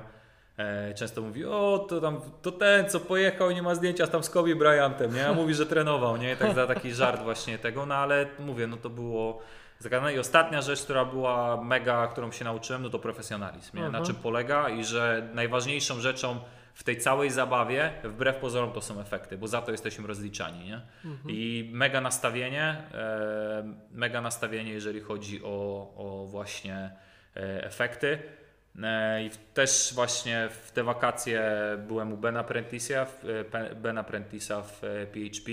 E, On jest powiedzmy takim growerem, ale w, dla zawodników z NHL. I też on powiedział świetną rzecz, że egzekucja w treningu i efekty są najważniejsze, tak? Że to no, jakby w tej całej e, Układam. przedsięwzięciu, układance, jeżeli trenujesz sportowców, to efekty są najważniejsze. Nie? No i to co, to, co tak jakby widziałem, no to jest profesjonalizm i zderzyłem się od razu, wiesz, no wyjeżdżając z Gorzowa, ze studia tam e, treningowego, czy tam klubu fitness, gdzie robiłem, wiesz, mo motorykę, w sensie na zasadzie Reebok Pump, gdzie tam się robiło jakieś tego tak, typu bo- rzeczy. Body pumpy Tak, robiłeś. body, body pump, nie Reebok się nazywał A to Reebok izome- pump, pump. jakaś, Tak, tak, tak, tak, no to wskoczyłem w świat, gdzie wiesz, no po prostu to był totalnie, no to było coś, co mi się nie śniło i nie miałem w ogóle doświadczenia z czymś takim, nie, Mhm. więc Mm, e, Ale też tak jak e, opowiadasz i sobie to wszystko mi się posklejało, bo jedno, jedno jakby z czym może nawet nie to, że się nie zgadzam, bo zgadzam się ze wszystkim i muszę się zgodzić, bo to się stało, to jest fakt. Ale co miałem taką, wiesz, dygresję, mówię, kurde, wcale w Stanach na najwyższym poziomie, bo ja mam styczność, Mhm. zaraz ci powiem, z MLB bardziej. mhm. E, Nie wszyscy mają szacunek, nie wszyscy są na, ta- tacy profesjonalni, ale wracam do punktu tego, że to były kempy letnie, rozumiem, Zgadza dla się, większości, tak, tak, więc tak. tam już z zasady jadą osoby, które zawodnicy, które chcą, które są na najwyższym poziomie, ale chcą być jeszcze chcą. wyżej, Mhm. więc ich mental jest top top, więc tak jak mówisz, tam naprawdę Czy wiesz, same, tam- tak, pewnie tam- same dobre przykłady, na nie? przykład były też, to jest jedną rzeczą, natomiast to też jest jakby, no, mimo wszystko ci zawodnicy mają swoje ego, nie? I Mhm. też wiesz, tam jak, zresztą byłeś w Stanach i wiesz o tym, jak zapytasz Tak. Każdego zawodnika, to każdy ci powie, że jest najlepszy, nie? I No. teraz masz tam takich 20 na przykład, nie? Każdy jest, wiesz, e, najlepszy, nie? Więc to są, wiesz, yy, yy, tak jak mówisz, to są osoby, które przyjeżdżały i chciały trenować, nie? I No. też one płaciły za to, aczkolwiek no podejrzewam to, co płaciły i względem ich zarobków, no to to pewnie był jakiś promil Promil, tego, nie? więc, e, więc e, no to skala jest, jest e, bardzo duża. E, Ale no tak, no widać różnicę w kontekście właśnie, e, w kontekście podejścia, zaangażowania i profesjonalizmu. Nie? A nawiążę jeszcze do tego MLB, jak em, byłem małolatem, to graliśmy w baseball i akurat tak trafiłem, że miałem mega fajny rocznik i wygrywaliśmy takie klubowe Mhm. Mistrzostwa Europy. To tam było 12-13 lat, to jest tam był Little League Baseball World Series, później Junior League. I jak lataliśmy, to tam wiesz, ESPN, wielkie Mhm, boom, bo oni się tym baseballem Tak, jarają. tak, tak. I też mieliśmy styczność z zawodnikami MLB, też jeździliśmy na ich treningi. No to powiem Ci, czę- często było e, jakby skrajności, Mhm. czyli mega profesjonalni, tacy z respektem Oczywiście, zawodnicy, no. ale były takie gwiazdki, że w ogóle oni nie chcieli nawet No tak, podejść, tak, wiesz, tak, tak. autografu Jak to w życiu, podpisać. nie? No, wiadomo, więc, nie? więc też miałeś mega fajny, fajną grupę tak naprawdę, no, z którą No zgadza się, pracować. zgadza się. No to były osoby, które wiesz, tam na przykład no, Wade wracał po kontuzji, McGrady wracał po kontuzji, Aha. więc automatycznie ich mindset był zupełnie inny. Gilbert Arenas wracał po kontuzji, był Anton Walker, który był bankrutem i chciał wrócić do, do NBA, żeby zarobić pieniądze. E, był właśnie Gilbert Arenas, który też tam wtedy z kolanem, tak, e, więc to, to była grupa takich osób. Caron Butler, który jest, no, był niesamowicie, też wyszedł tam z getta i też z charakterem, więc rzeczywiście to była taka grupa osób, która no, e, jakby chciała pokazać, natomiast no mówię, no, mega doświadczenie i mega Mhm. możliwość jakby sprawdzenia, jakby zmierzenia takiej perspektywy i, i, i Mhm. oszacowania tego, e, No. jakie są różnice. Nie no, historia petarda, ale wracam do pytań, bo słuchaj, godzina już, a jeszcze trochę nam zostało.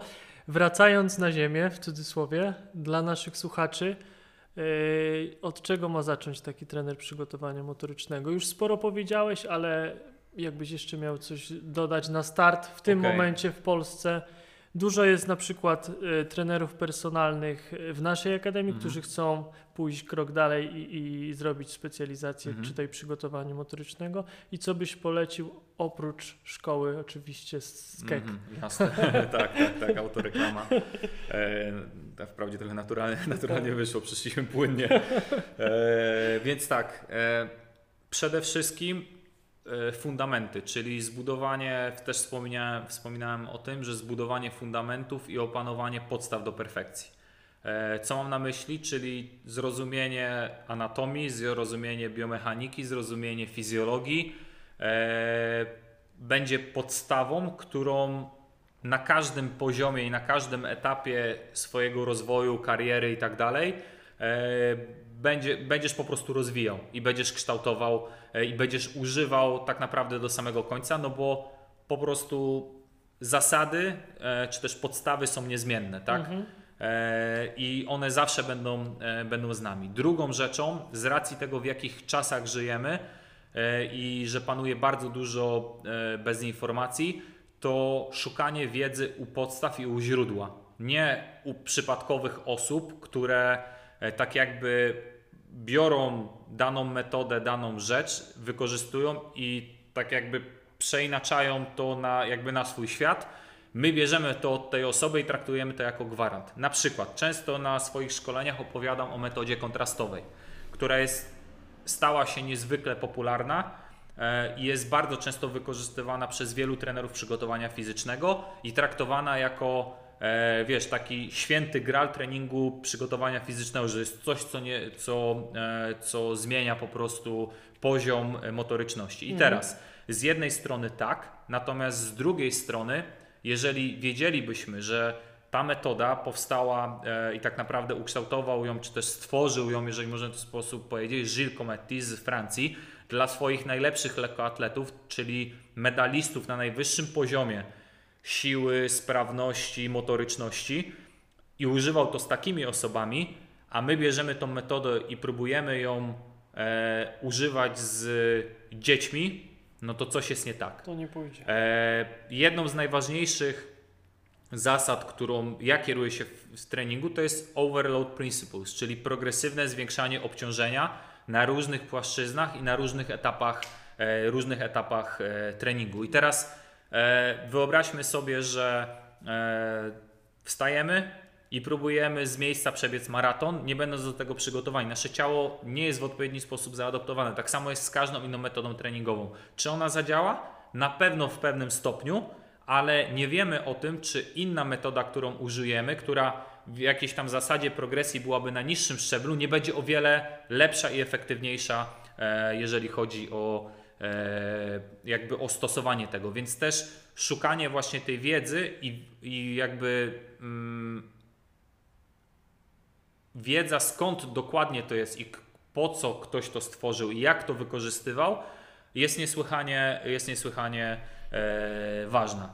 Oraz kontekst, czyli wyciąganie kontekstu z wypowiedzi. Często jest tak, że dużo osób na przykład zarzuca, e, myślę mi i Mirkowi, że o, wy tylko robicie siłę. Siła. E, o siła i tak dalej. No i teraz na przykładzie, e, chciałbym się odnieść tutaj na przykładzie, bo w środowisku jest bardzo duża polemika. Dwa razy masa ciała w przysiadzie, żeby efektywnie, czy żeby móc zacząć wykonywać ćwiczenia plyometryczne.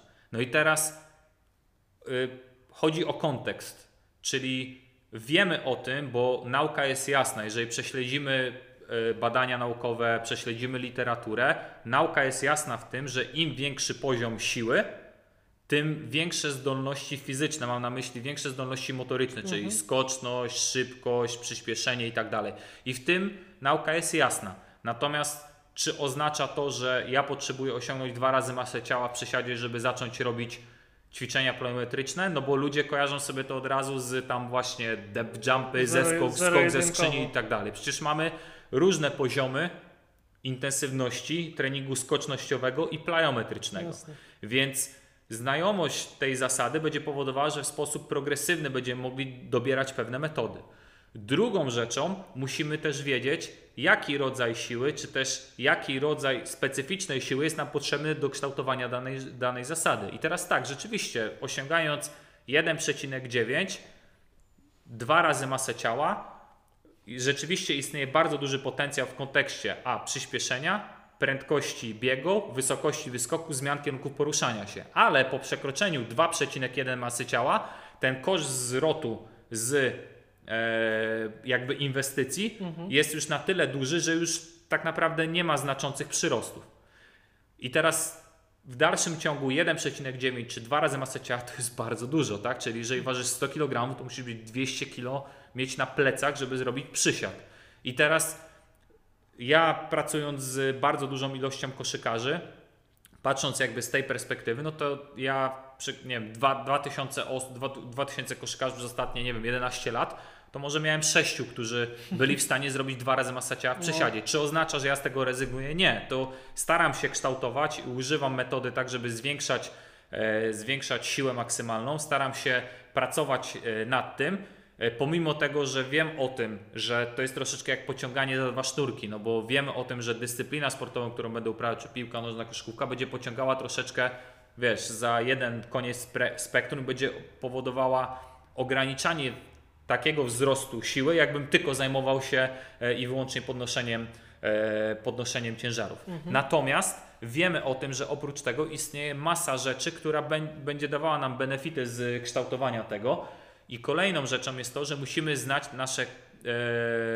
KPI, tak? czyli te Key Performance Indicator w danej dyscyplinie, ale żeby wiedząc o tym, musimy mieć doświadczenie. I ja wiem na przykład, że w koszykówce potrzebuję mieć poniżej 10% tkanki tłuszczowej, potrzebuję podciągnąć się 3 razy z co najmniej 20-kilogramowym obciążeniem, potrzebuję wyciskać hantle co najmniej 30 kg na skosie, 30-40 30 stopni na ławce, e, na ławce dodatnej, potrzebuję zrobić co najmniej trapbar z półtorej razy masy ciała, żeby rzeczywiście jakby korzystać z prawdziwych benefitów treningu siłowego, ale do tego mhm. potrzebuje doświadczenia. I teraz nigdy w treningu nie jest coś szare i białe, tak? W sensie e, szare i białe, I e, czarne i, i białe. Są odcienie, odcie, e, odcienie szarości. Musimy wyłapywać kontekst, tak? Mhm. Czyli jeżeli osoba wchodzi na mój Instagram i ona czyta sobie moje wszystkie posty i mówi o tym, dom, i mówi o tym, i oznajmia to światu, że e, Artur Pacek skupia się tylko i wyłącznie na e, sile i tylko kształtuje siłę i uważa, że siła jest najważniejsza, bo wyczytał to na Instagramie,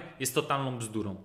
Dlaczego? Bo według mnie, po to, żeby móc realnie ocenić pracę trenera, to powinieneś się spakować, wziąć plecak, pojechać do tej osoby, zapytać, czy ja mogę spędzić z tą tydzień czasu i zobaczyć, jak pracujesz, i w ten sposób, realny sposób, jesteś w stanie ocenić e, ocenić pracę drugiej osoby. No bo co ja mogę powiedzieć na Twój temat, patrząc tylko i wyłącznie na Twoje social media? To mhm. są wycinki, tak? Czasami 5, 10, czasami nie wiem, długości tekstu, który ogranicza Instagram, do tego, żeby stworzyć jakiś świato, e, światopogląd. I ostatecznie liczą się efekty, tak? Czyli jeżeli dana osoba ma efekty w sposób powtarzalny, jest warta zainteresowania się. Jeżeli widzę, że dana osoba w sposób cykliczny osiąga efekty, tylko nie chodzi, efekt, nie chodzi o to, że mam sławne osoby, które ze mną trenują, bo wiemy o tym, że na przykład w treningu personalnym możesz trenować sławne osoby i możesz nigdy nie mieć efektów tak, z, z tą osobą, ale tylko przez to, że trenujesz sławną osobę, jakby zdobywasz też uznanie, wizerunek, u, wizerunek i zdobywasz kredyt u osoby, która, e, która Ciebie obserwuje. Mhm. Nie? Więc w moim świecie, w świecie przygotowania fizycznego, ja jestem rozliczany za efekty. E, mnie oceniają Jasne. w pracy, w klubie za efekty, które niosę. Nie za to, czy ktoś mnie lubi, nie za to, czy ktoś lubi ze mną trenować, tylko efekty, jakie niosę. Tak mhm. samo zawodnicy, no bo jeżeli mamy zawodnika, który jest już na jakimś poziomie, trenował u jakichś osób, ma jakieś doświadczenie, ciężko taką osobę oszukać, tak? No mhm. No bo ona wie o tym, czy to, co robisz, działa na nią, jak działa, jak wpływa i tak dalej, nie? Więc Jasne. myślę, że to są te e, trzy rzeczy. Podstawy, szukanie wiedzy u źródła i kontekst, tak? Wyłapywanie właściwego kontekstu wypowiedzi, czy też wyłapywania, no bo e, wszyscy rozmawiają o periodyzacji, wszyscy rozmawiają w dzisiejszym świecie o, e, o na przykład no, Tudor Bompa, tak? Mhm. E, który napisał książkę. No to mało kto wie o tym, albo jeżeli osoby wiedzą, no to, to była periodyzacja stworzona dla lekkoatletów. Natomiast Jasne. E, sezon lekkoatletyczny tak? I periodyzacja pod lekkoatletów jest zupełnie inna niż to, co jest w moim świecie, gdzie ja mam start co tydzień, tak? Czy nawet czasami dwa razy w tygodniu, no bo ja gram, ale atleta ma okresowe starty, tak samo jest w sportach walki, więc wyłapywanie tego kontekstu i próba e, to właśnie bardzo fajnie mówił, e, też mówi o tym Ben Prentice, tak? Czyli, e, że weź to, co najlepsze ode mnie, od innych osób, wrzuć to do swojego miksera, zmiksuj to i zobacz, co ci wyjdzie, nie?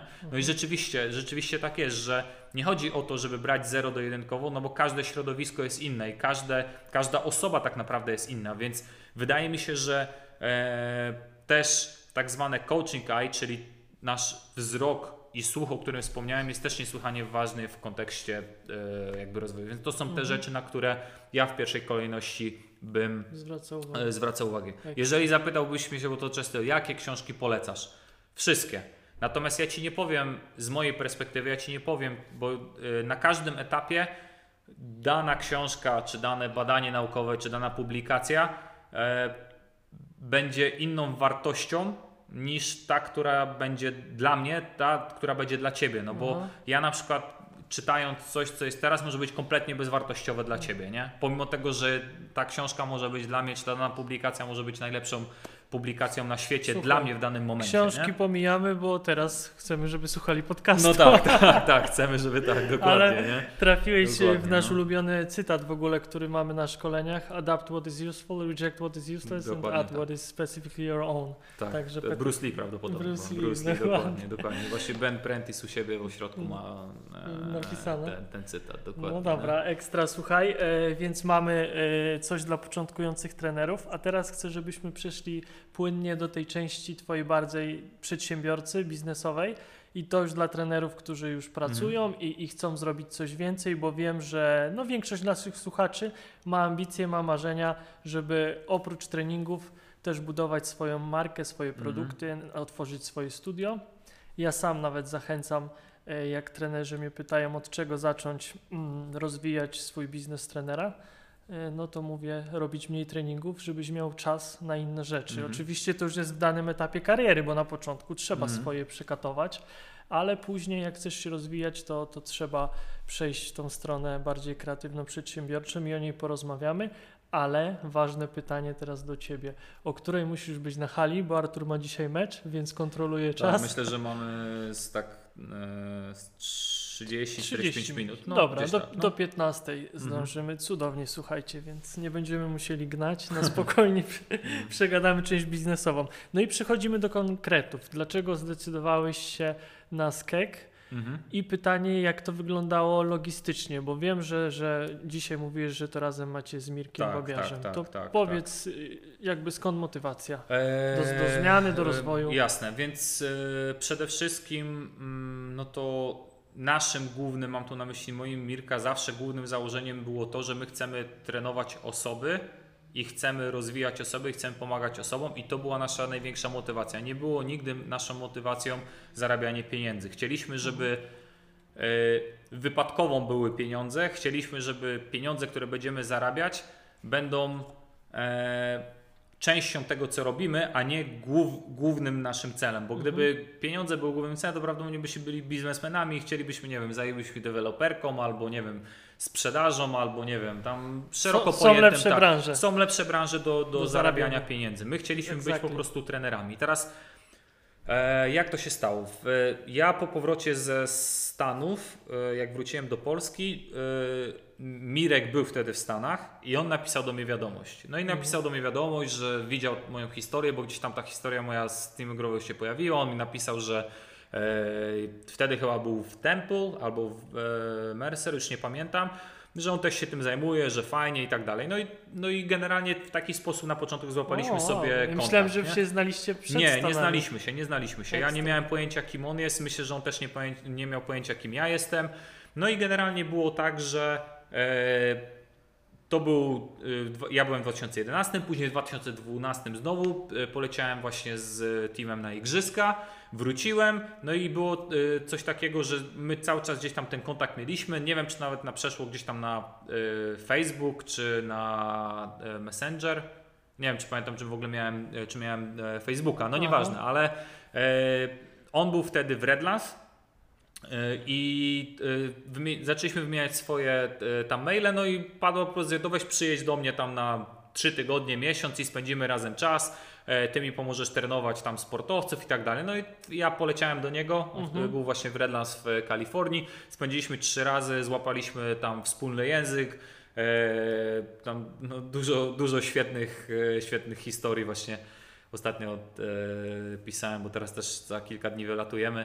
Też właśnie mówię, że tam jak zbieraliśmy awokado, e, przypalaliśmy, w sensie wyganialiśmy tarantule, z chaty trenowaliśmy ten, kupowaliśmy batony proteinowe, takie rzeczy, czytaliśmy tam Paliquina. Mhm. E, no i tak złapaliśmy, złapaliśmy bakcjela. No i Czyli flow było od Było flow. No i generalnie no, ten czas mijał, mieliśmy kontakt, no i okazało się, że Mirek musiał wracać do, e, do Polski. Mhm. E, no i ja mówię, no to słuchaj, jak jeżeli ty wracasz do Polski, no to dawaj zrobimy coś razem. I, no i tak powstał skek, nie? Mhm. zaczęliśmy na początek wydawy, będziemy pisać artykuły, zaczęliśmy pisać artykuły, stworzyliśmy, e, stworzyliśmy nazwę, no i ja mówię, no to dawaj, no jak mamy tego, no to on wracał, wtedy tam było Wy też... bloga mieliście, nie? Mieliśmy, no, tak, tak, tak, bloga, okay. już nawet nie pamiętam jak to się, jakaś prosta strona internetowa, Aha. tylko wiesz, czy nawet chyba Facebook był i tylko na Facebooku wrzucaliśmy, okay. coś takiego, strona dopiero później. No i wróciliśmy do tego, no i no, gdzieś tam cały czas się dokształcaliśmy, rozwijaliśmy. On, on, e, on wrócił z, e, właśnie z żoną do, do, do, do Polski. No i zdecydowa zdecydowali, też było jakby miejsce, no to zdecydowaliśmy się na to, że chcemy otworzyć jakby ośrodek. No i otworzyć pierwszy ośrodek. Ja miałem jakieś tam zainwestowane, w sensie oszczędności. E, wszystko, co miałem, no to, to, nie, to nie były duże kwoty, tak? No, kupiliśmy raka, ławkę, handle, e, jakieś tam boksy do skakiwania, no i tak powstał pierwszy, pierwszy, pierwszy skek, gdzie mieliśmy no, go mhm. w piwnicy, tak mówiąc kolokwialnie. E, no i a ja, ja, jaki, to, jaki to był rok? Bo wy chyba tak 2015. To był 2015 albo 2016. Tak, 2015, 8 lat o 8 lat, bym 7. Czy my w, praktycznie w tym samym tak, czasie bo, od, Tak, bo pamiętam, że tak, pamiętam, że właśnie tam też jak gdzieś patrzyliśmy, gdzieś tam coś się pojawiało, nie było wtedy, że właśnie wy byliście jednymi z pierwszych osób, mhm. które też robiły e, gdzieś tam może niepodobny content, bo jakby no, I, bardziej trening personalny, ale też gdzieś tam bardzo podobny, podobny Mega przekaz, w ogóle nie? też mega podobny start, bo my też tak. zaczynaliśmy od artykułów, yy, wiesz, na blogu i też zaczęliśmy od wyjazdu do Stanów tak, tak naprawdę. Tak, Nasza historia, tylko my bardziej, no. chociaż też motoryka, no bo i Kresej i Mike dokładnie, Boyle to też działają ze sportowcami, dokładnie. więc podobny schemat. I, I jak myślę, no to też trochę to było tak. w cudzysłowie na wariata, no tak, ale tak, czasami tak, trzeba na tak, wariata tak, wylecieć i spróbować. No i w ten sposób zrobiliśmy pierwsze szkolenia, tam nie wiem czy seminarium, czy wtedy CPS, takie trzy, trzy zjazdowe Certified zrobiliśmy. Tak, tak jest. Pierwsze zrobiliśmy w Bydgoszczy, później było Aha. w Koszalinie. E, no i już jak mieliśmy miejsce, to robiliśmy po prostu w Gdyni. No i tak no, z biegiem czasu zaczęło się to, to rozrastać no, po prostu do poważnej firmy. Teraz mamy obecnie e, spółkę, e, jesteśmy współwłaścicielami. E, Mirek jest na miejscu, czyli on jakby jest e, na, e, na miejscu, jeżeli chodzi o Gdynię, przebywa. Ja z racji jakby umowy kontraktowej jestem tu, bardziej odpowiadam na tą stronę merytoryczną, tą stronę związaną z no, tym Aha. światem powiedzmy niewidzialnym, czyli strona internetowa, treści i tego typu, typu rzeczy. Wiadomo, no, większe rzeczy no, zawsze podejmujemy decyzje razem, decyzje razem także no, 8 lat no znamy się od dwa, no 10 lat już się znamy, tak? I okay. więc fajnie też tak naturalnie to po prostu wyszło, że z pasji i miłości do tego, co robiliśmy, przekształciliśmy to w po prostu sposób na życie i to, czym się zajmujemy obecnie i z czego no tak naprawdę e, żyjemy i się utrzymujemy. E, więc to jest taka no, bardzo fajna, bardzo fajna historia. Nie? No. Yy, dodam, że jak obserwuję właśnie Waszą Akademię, i to z perspektywy biznesowej najbardziej y, zrobiło na mnie wrażenie dopasowanie do rynku, czyli w nomenklaturze product market fit, mhm. y, szkoła przygotowania motorycznego, mhm. bo mówię, kurde, po prostu była mega duża potrzeba na to, tego nie było, było dużo kursów z przygotowania, ale szkoły w, mhm. w takim kontekście nie było.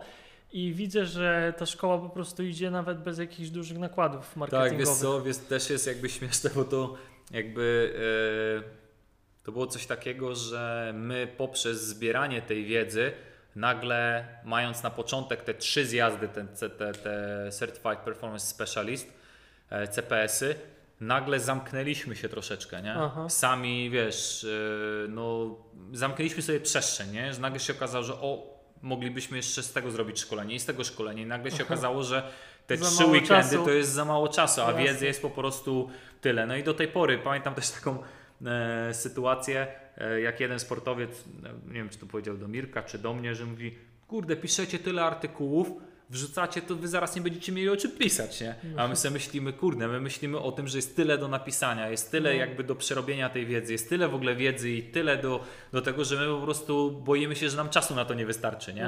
A, e, więc to też takie, no fajna historia, nie? No bo to jest też kawałek gdzieś tam e, życia i też pokazuje, że można jakby zamienić to w, po prostu w czym jest się no, najlepszym, no bo my jakby wyszliśmy z tego, że byliśmy trenerami i zaczęliśmy dzielić się własnym doświadczeniem, a nie tak jakby uczyliśmy się i czytaliśmy i konwentorowaliśmy jakby wiedzę, którą, czyli my wyszliśmy z tego, że mamy doświadczenie, no bo rzeczywiście tak było, trenowaliśmy osoby, dużo ilość osób e, i mieliśmy e, realne zderzenie z tym, co łączy praktyka z teorią, tak? I Aha. wiemy o tym, że to nie zawsze idzie para e, ręka w rękę, tak? No. Teraz e, w grudniu razem z chłopakami ze Skekar e, organizujemy konferencję IPSS, International Performance Strength and Summit. Dokładnie. E, No i ciekawy jestem, bo chcemy połączyć światy motoryki, czyli, Mhm. czyli oczywiście ta część chłopaków, no i my trening, część treningu personalnego, bo oczywiście te kompetencje się, się bardzo zazębiają. W przyszłości chcemy dodać też Mhm. dietetykę, inne filary, ale zaczynamy Tak, na razie tak, od dwóch tak. bloków, więc e, zachęcamy, żebyście też zerknęli. Wrzu- wrzucimy link tak. e, na dole rozmowy będzie. No dobrze, e, Arturze, e, przechodzimy do końcówki, ale jeszcze w części głównej muszę spytać o jedną rzecz. Mamy czasu jeszcze Mamy trochę, czas, no. zdążymy. No. Zdążymy. No. Y, o to, na co ja najbardziej czekam, czyli mm, teraz zauważyłem, że jeśli jak są Creme de la creme. tak, creme de la creme, czyli porażki, największa twoja jakby porażka y, w życiu zawodowym, no i problemy też, jakie napotkałeś, Mhm. bo dużo się mówi o sukcesach, o, o tych pozytywnych stronach, co jest oczywiście naturalne, ale niestety część słuchaczy później wychodzi z, z takim feedbackiem, że kurde, ten mm, wszystko płynnie ogarnia, same sukcesy. Gdzie Mhm. ja tam w ogóle do tego przygotowania motorycznego, gdzie ja tam otworzę akademię, jak ja mam co chwilę jakieś przeszkody, Mhm. a im to tak idzie, więc powiedz też, co, co nie wyszło, gdzie były problemy, żeby ludzie zobaczyli, że to każdy ma. Tak, e, wiesz co, Piotrek, świetne pytanie. E, I teraz tak. E, porażka. E, myślę, że e, powiem troszeczkę odwrotnie, że nie mam porażek w życiu. Mhm. E, mam tylko i wyłącznie doświadczenie, które zdobywam dzięki właśnie sytuacjom. Czyli Jeżeli ktoś nazywa e, coś problemem, porażką, to oznacza, że jest to jakby rzecz, która albo jest nierozwiązana, albo nie umiem jej rozwiązać. Mhm. Ja takie e, rzeczy nazywam sytuacjami, czyli ja mam pewne sytuacje ze względu na to, że, że mając sytuację, ja jestem w stanie rozwiązać to i pójść dalej. E, I wielokrotnie słyszy się o tym, że no, porażka najbardziej uczy, porażka najbardziej rozwija i tak dalej. I rzeczywiście jest to prawdą, że e, jeżeli upadasz i ty zostajesz na ziemi, no to po prostu przegrałeś, ale za każdym razem, kiedy wstajesz, Mhm. update'ujesz sobie pewne, e, pewne rzeczy i idziesz do przodu, nie patrzysz na to z tej perspektywy. Ja tak się nauczyłem, że u mnie jest to wkalkulowane, czyli to też jakby powiedział, e, powiedział mi, e, rozmawiając właśnie z panem Pawłem Matuszewskim i pytałem się o e, odkładanie rzeczy na później i robienie coś od razu, nie? Mhm. Jest też takie bardzo ładne słowo, popularne teraz, nie? które się, mam zawsze problem z pro, a Prokrastynacja. Dokładnie tak. No i on mówi, że nie, ja załatwiam wszystko od razu, nie? Jak Mhm. mam 10 tematów, 8 załatwię jest ok, no to procentowo 80% skuteczności, czyli no, po punktu biznesowego super, nie? No i to też pokazuje, że e, jakby idąc w tą stronę i działając, e, to jest normalne, że w ogóle to jest taka praca, przez to też, że social media tak kreują, że pokazują tylko, tak jak wspominałem, miód, malina i w ogóle same słodkości, no to mamy wyobrażenie, że to jest tylko, wiesz, trenuje się najlepsze osoby, że zarabia się duże pieniądze, że jest się po prostu gwiazdą na, na social mediach. I może być rzeczywiście tak, ale jeżeli podchodzisz do tego poważnie, bo ja zawsze chciałem do tego poważnie, czyli należy poważnie, brać odpowiedzialność za to, co robię. Czyli co to znaczy? Czyli brać odpowiedzialność za drugą osobę. Mhm. I teraz, jeżeli ja trenuję drużynę i mam osoby, z którymi pracuję, i teraz ja biorę poważnie to i biorę odpowiedzialność za to, no to to daje mi większą szansę na rozwój. A biorąc to na zasadzie takiej, a czy wygrywam, czy przegrywam, no to jakby to nie jest moja odpowiedzialność, mhm. to zamykasz sobie szansę już na samym starcie na to, żeby znaleźć jakby możliwości własnego rozwoju. I teraz yy, uwierz mi, ja czasami zdarza się, że przegrywam co tydzień, no bo mhm.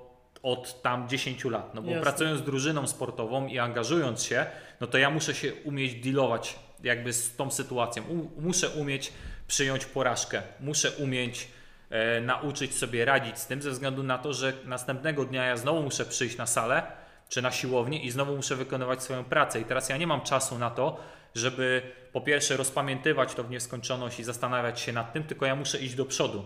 No bo ja w dalszym ciągu jestem rozliczany za, e, za efekty, więc czasami emocje są złym doradcą, tak? I mhm. to emocje powodują, że stajemy się słabi, no bo e, musimy nauczyć się odróżniać pewne, e, pewne e, rzeczy, więc e, ja tak jakby nie traktuję rzeczy, które się dzieją jako porażkę, tylko jako możliwość, mo, lekcję i możliwość rozwoju, którą e, mhm. wyniosę z tego, nawet jakby z najtrudniejszych sytuacji. Też jestem tak nauczony i też właśnie przez obserwowanie między innymi właśnie e, pana Pawła Motrzewskiego, czy patrzenie na najlepszych trenerów.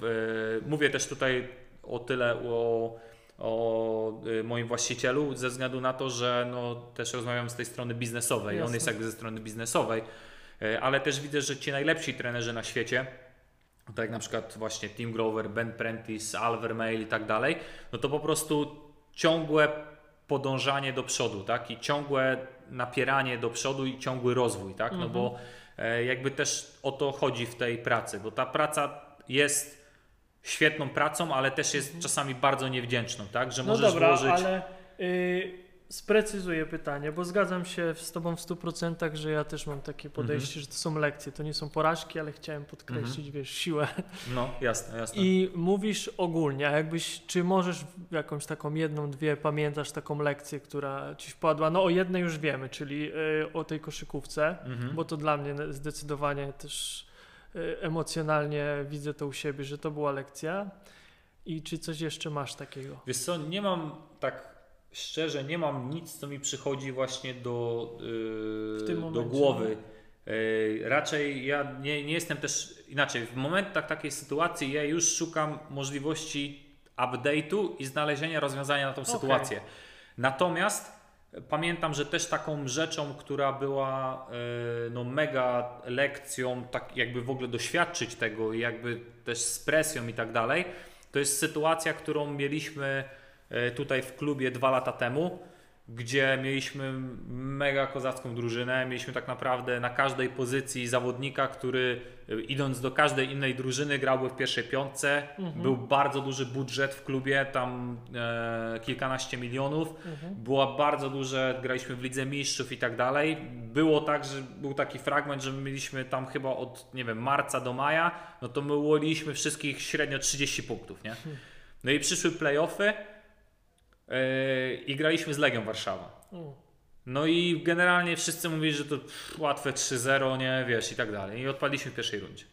No i te uczucie, kiedy, wiesz, yy, to już nawet nie chodzi o to, czy jesteś blisko, czy nie, ale to w jaki sposób wszystko jest napompowane dookoła ciebie, bo miasto te żyje też koszkówką. To jest tak, że idziesz do sklepu, ludzie cię zaczepiają, idziesz po schodach, w swoim, wiesz, e, tam domu, e, czy tam, wiesz, w bloku i ludzie się pytają, nie, co w drużynie. Idziesz sobie, nie wiem, parkujesz auto, zaczepia ciebie ktoś, nie, więc ludzie żyją tutaj bardzo mocno tym.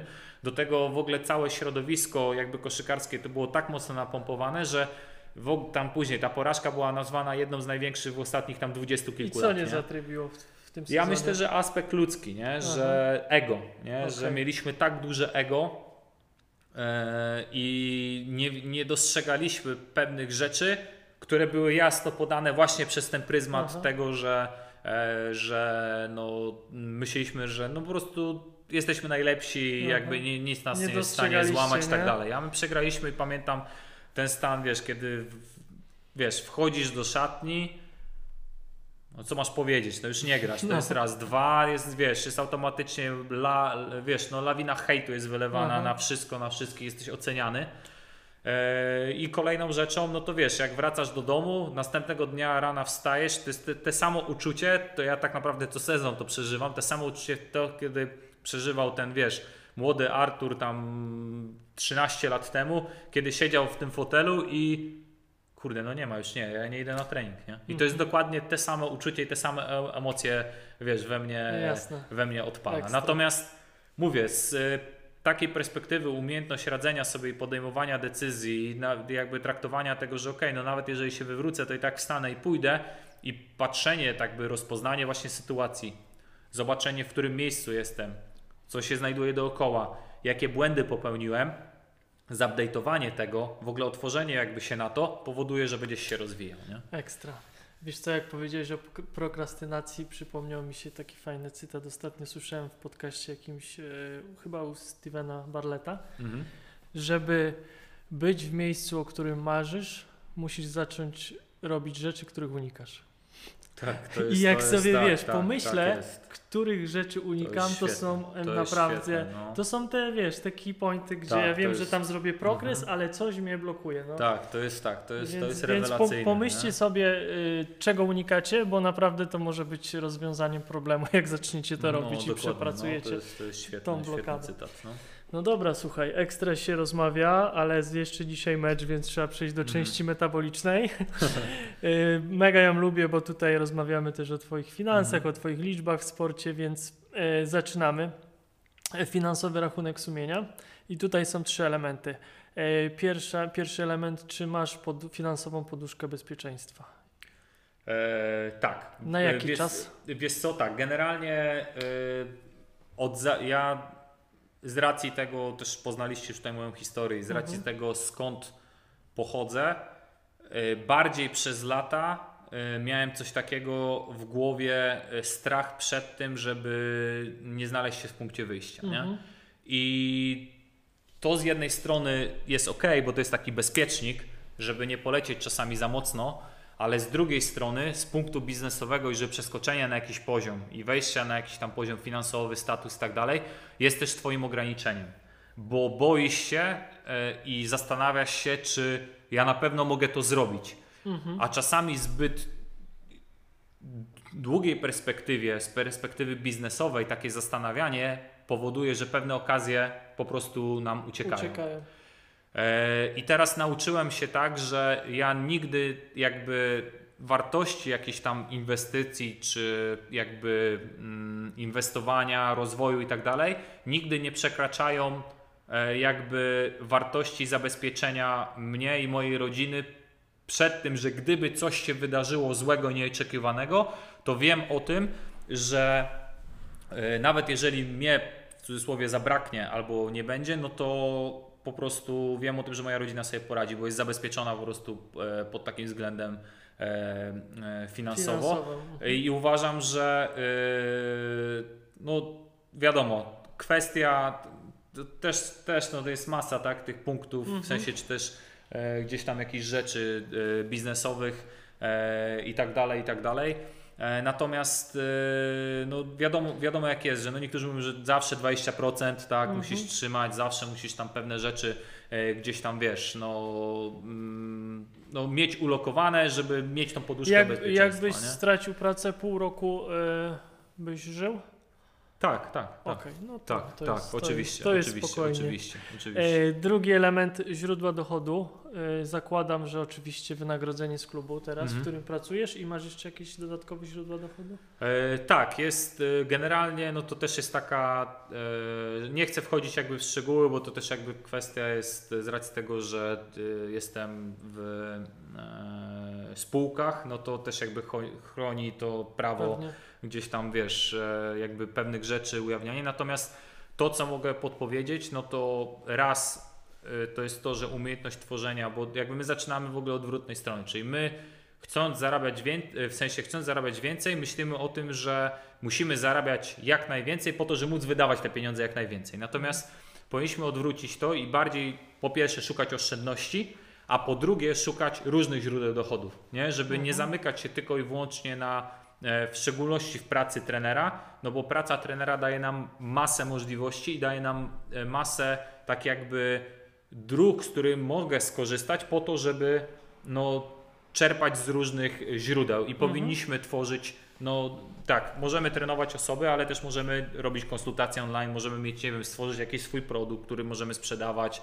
E, możemy, nie wiem, tak raz na kwartał jeździć i poprowadzić e, jakieś szkolenie i tak dalej. To są te źródła czy też narzędzia trenera, które mogą powodować, że będziemy generować jakieś, e, jakieś dodatkowe e, przychody. Dokładnie.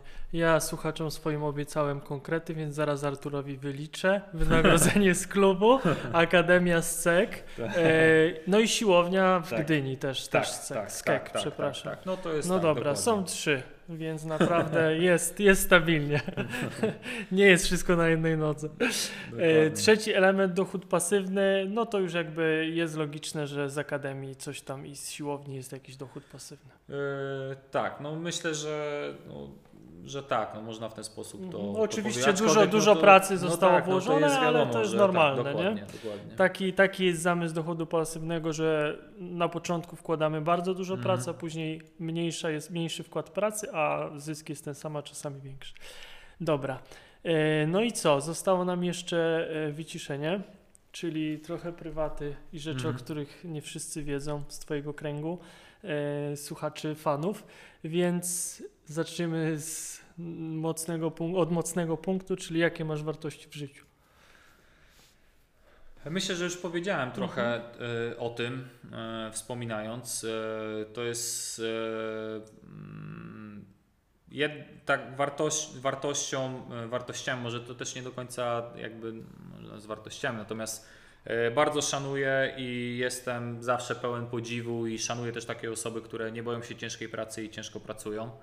E, Bardzo e, szanuję sobie i może nie szanuję, ce, cenię sobie e, takie wartości jak lojalność, szczerość, właśnie pracowitość, oddanie, w, czy tam jak to się ładnie mówi, tam dedication, tak, No. po, po amerykańsku, Mhm. więc to są takie rzeczy, które, którymi no, kieruję się i którymi są no, takimi rzeczami, którymi ja no, są moimi wartościami, e, są moimi wartościami e, Mhm. w życiu. O, dobry wspólnik, dobry wspólnik by był Artur. Podróże, słuchaj, e, o Stanach już sporo mówiłeś. Gdzie jeszcze byłeś i, czy, czy lubisz podróże, jak to Ciebie Wiesz co, generalnie tak, to też jest no, podróże, jeżeli kwestii wakacji, no to, to nie jeżdżę na wakacje Aha. praktycznie, raczej staram się łączyć Ale nawet biznesowo. Rzeczy. no, Biznesowo tak. Z racji też tego, że pracuję w drużynie sportowej, no to czasami zdarza się, że co tydzień jesteśmy w innym miejscu w Europie, no bo Mhm. jeżeli grasz puchary, no to jeździsz praktycznie co tydzień. No, jasne. E, zawsze staram się, to też tak się co najmniej raz w roku pojechać w jakieś miejsce, które z punktu właśnie edukacyjnego i z punktu e, jakby wiedzy poszerzy moje horyzonty. E, wiadomo, że mieliśmy COVID e, i cały ten lockdown, te podróżowanie było ograniczone, ale tak do 2019 e, roku, no to od 2011, no to praktycznie co roku byłem co najmniej raz w Stanach. O. Co najmniej e, raz, a tam już chyba ponad było w paszporcie, już zmieniłem, bo e, przedawnił się, no ale to było z ponad A, jak, ponad 10 a jakby razy, nie było e, aspektu edukacyjnego, też byś do Stanów latał, czy to jest stricte już... W sensie edukacyjnego? No, no właśnie, tak nie byłoby szkolenia, konferencji. e, Generalnie jest tak, że e, tak jak wspominałem i też, e, bo to nie jest tak, że coś ja sobie Mhm. nie, wiesz co, wyssałem- pytam Artur, czy Stany lubisz ogólnie jako kraj, Lubię, czy tak, lubisz? tak, tak, Okej. tak. Jest, czuję się dobrze, e, tak jak mówię, mam sporo znajomych, Mhm. e, więc e, no też przez lata jakby no, latania i tak dalej, no to pewne rzeczy się gdzieś tam Mhm. wypracowały, ale tak jak wspomniałem wcześniej, żeby to nie było też, że wiesz, rzucam rzeczami i też często na szkoleniu po, e, powtarzam, zaczynając szkolenie, że nie dowiesz się nic ode mnie, co albo sam nie doświadczyłem, albo co nie jestem pewien, że dana rzecz działa.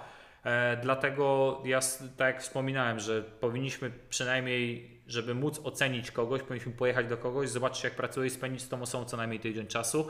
Ja też się tą e, e, taką zasadą kieruję. I dlatego zawsze co roku, może nie tyle konferencje, wiadomo, tak jak się mówi, najczęściej na, na, największa wiedza, czy też największe to jest to, co się dzieje między wykładami na konferencji, a nie stricte sama konferencja, no, no bo tam czasami jest, są rzeczy, które właśnie są takimi wycinkami i nie do końca jesteśmy w stanie to pokłada, poskładać w jeden obraz. Natomiast y, ja lubię bardzo no po prostu jeździć bezpośrednio do trenerów, zapukać do drzwi i powiedzieć, no słuchaj, no chciałbym przyjechać, mhm. zobaczyć, tak y, od kilku lat jestem bardzo mocno zafascynowany z racji jakby tego, czym ostatnio się zajmuję, czyli e, mm, zagłębianie się wszystkie metody izometryczne, ekscentryczne, koncentryczne, z racji tego, że robię doktorat też e, e z tego tematu, z racji też tego, że jestem na etapie kończenia y, kolejnych właśnie książek właśnie z tą tematyką, mhm. E, no to y, jedną z takich osób, która właśnie stosowała też bardzo podobne metody i metodologie był właśnie Ben Bendris, o którym, Ben Prentice, o którym e, wspominałem mhm. kilkukrotnie. Mhm. No to właśnie też w tym roku pierwszy raz od po lockdownie, no to siadłem w samolot, poleciałem do niego i spędziłem z nim dwa tygodnie, dwa tygodnie więc też no, no. świetna rzecz, żeby zobaczyć jak wygląda tak naprawdę. Mega, mega doświadczenie. Tak, żeby no. zobaczyć jak wygląda to po prostu od kuchni, żeby móc ocenić co jest prawdą, a co jest, e, co jest e, mhm. fałszem. Nie? Słuchaj, ostatnie pytanie pomijam, bo ostatnie pytanie, które sobie zanotowałem, co Cię pasjonuje i tutaj już wybrzmiało to no tak, kilkunaście, tak, tak. kilkudziesięciokrotnie. Jakbyś mi tak kazał, nie wiem, zapytałbyś się jakiś samochód, super samochód, to nie będę wiedział, jakbyś tak, mnie chciał, nie wiem, żebym tak, żebym wziął i e, zrobił coś w domu, no to też prawdopodobnie będę musiał przed tym odpalić jakąś wiesz, instrukcję z YouTube'a, no okay. żeby to zrobić, więc no tym czym się po prostu znaczy moja pasja, nie chcę mówić o pasji, ale tym, co robię, jest moim tak jakby mhm. e, stylem życia. Tak. Nie? no ale też, też, tym, też słuchać, słychać życie to pasjonuje, tak więc jest, jest, tak. jest to z tobą, jest to z tobą spójne. E, słuchaj, podsumowując, jak jechałem do ciebie, słuchałem sobie podcastu, który e, bardzo lubię, Zaprojektuj swoje życie i polecam wam. Okay. I, I tam właśnie był ciekawy case e, ten prowadzący przyprowadził już ponad 200 osób mhm. z ludźmi, którzy osiągnęli naprawdę duży sukces biznesowy i też prywatnie w większości też. I mówię, ciekawe, czy to będzie spójne z naszą rozmową i czuję, że, że jest w pewnym mhm. Stopniu i już Ci mówię, jakie było podsumowanie. Lata 20. Eksperymentujcie, jak najwięcej testujcie. Lata 30. Budujcie swoją markę, budujcie swoją wartość. Lata 40. Zarabiajcie, spieniężajcie mhm. tą wartość. E, lata 50. Żyjcie bez kompromisów mhm. i korzystajcie. I, i jak świetne, słucham, no, świetne, to naprawdę tak, tak. ty te lata 20 przetestowałeś, eksperymentowałeś, w ogóle nie myślałeś o zarabianiu. Mhm. Y, w tym momencie budujecie swoją markę jako skeki, jako ty, marka tak, osobiste, tak, tak, tak, więc jeszcze dużo przed tobą pozytywnych no. okresów. Bo ty jesteś jaki rocznik w ogóle? 8-9. 8-9, no dobra, mój rocznik, czyli jeszcze budowanie marki, jeszcze tak musimy jest, tak troszkę popracować. No musimy, dokładnie. No, dokładnie. mega dziękuję za rozmowę, mega mi się podobało i, i naprawdę polubiłem cię jako osobę, mhm. bo, bo cię dzisiaj poznałem. Mam nadzieję, że odbiór słuchaczy będzie podobny. No, ma, mam nadzieję, że no tak jak e, też bardzo dziękuję, tak? E, też świetnie te ponad półtorej godziny minęło. Tak. Ja zawsze tak w każdym podcaście mam nadzieję, że e, jakaś osoba wyciągnie już jedną rzecz Aha. z tego, no to już będzie naprawdę bardzo duży, e, duży sukces. Dajcie nam feedback i a ja z Arturem jeszcze się widzę na meczu i też dam wam znać jak tam poszło, więc powodzenia wieczorem Jasne, na meczu. Dziękujemy bardzo, dziękujemy.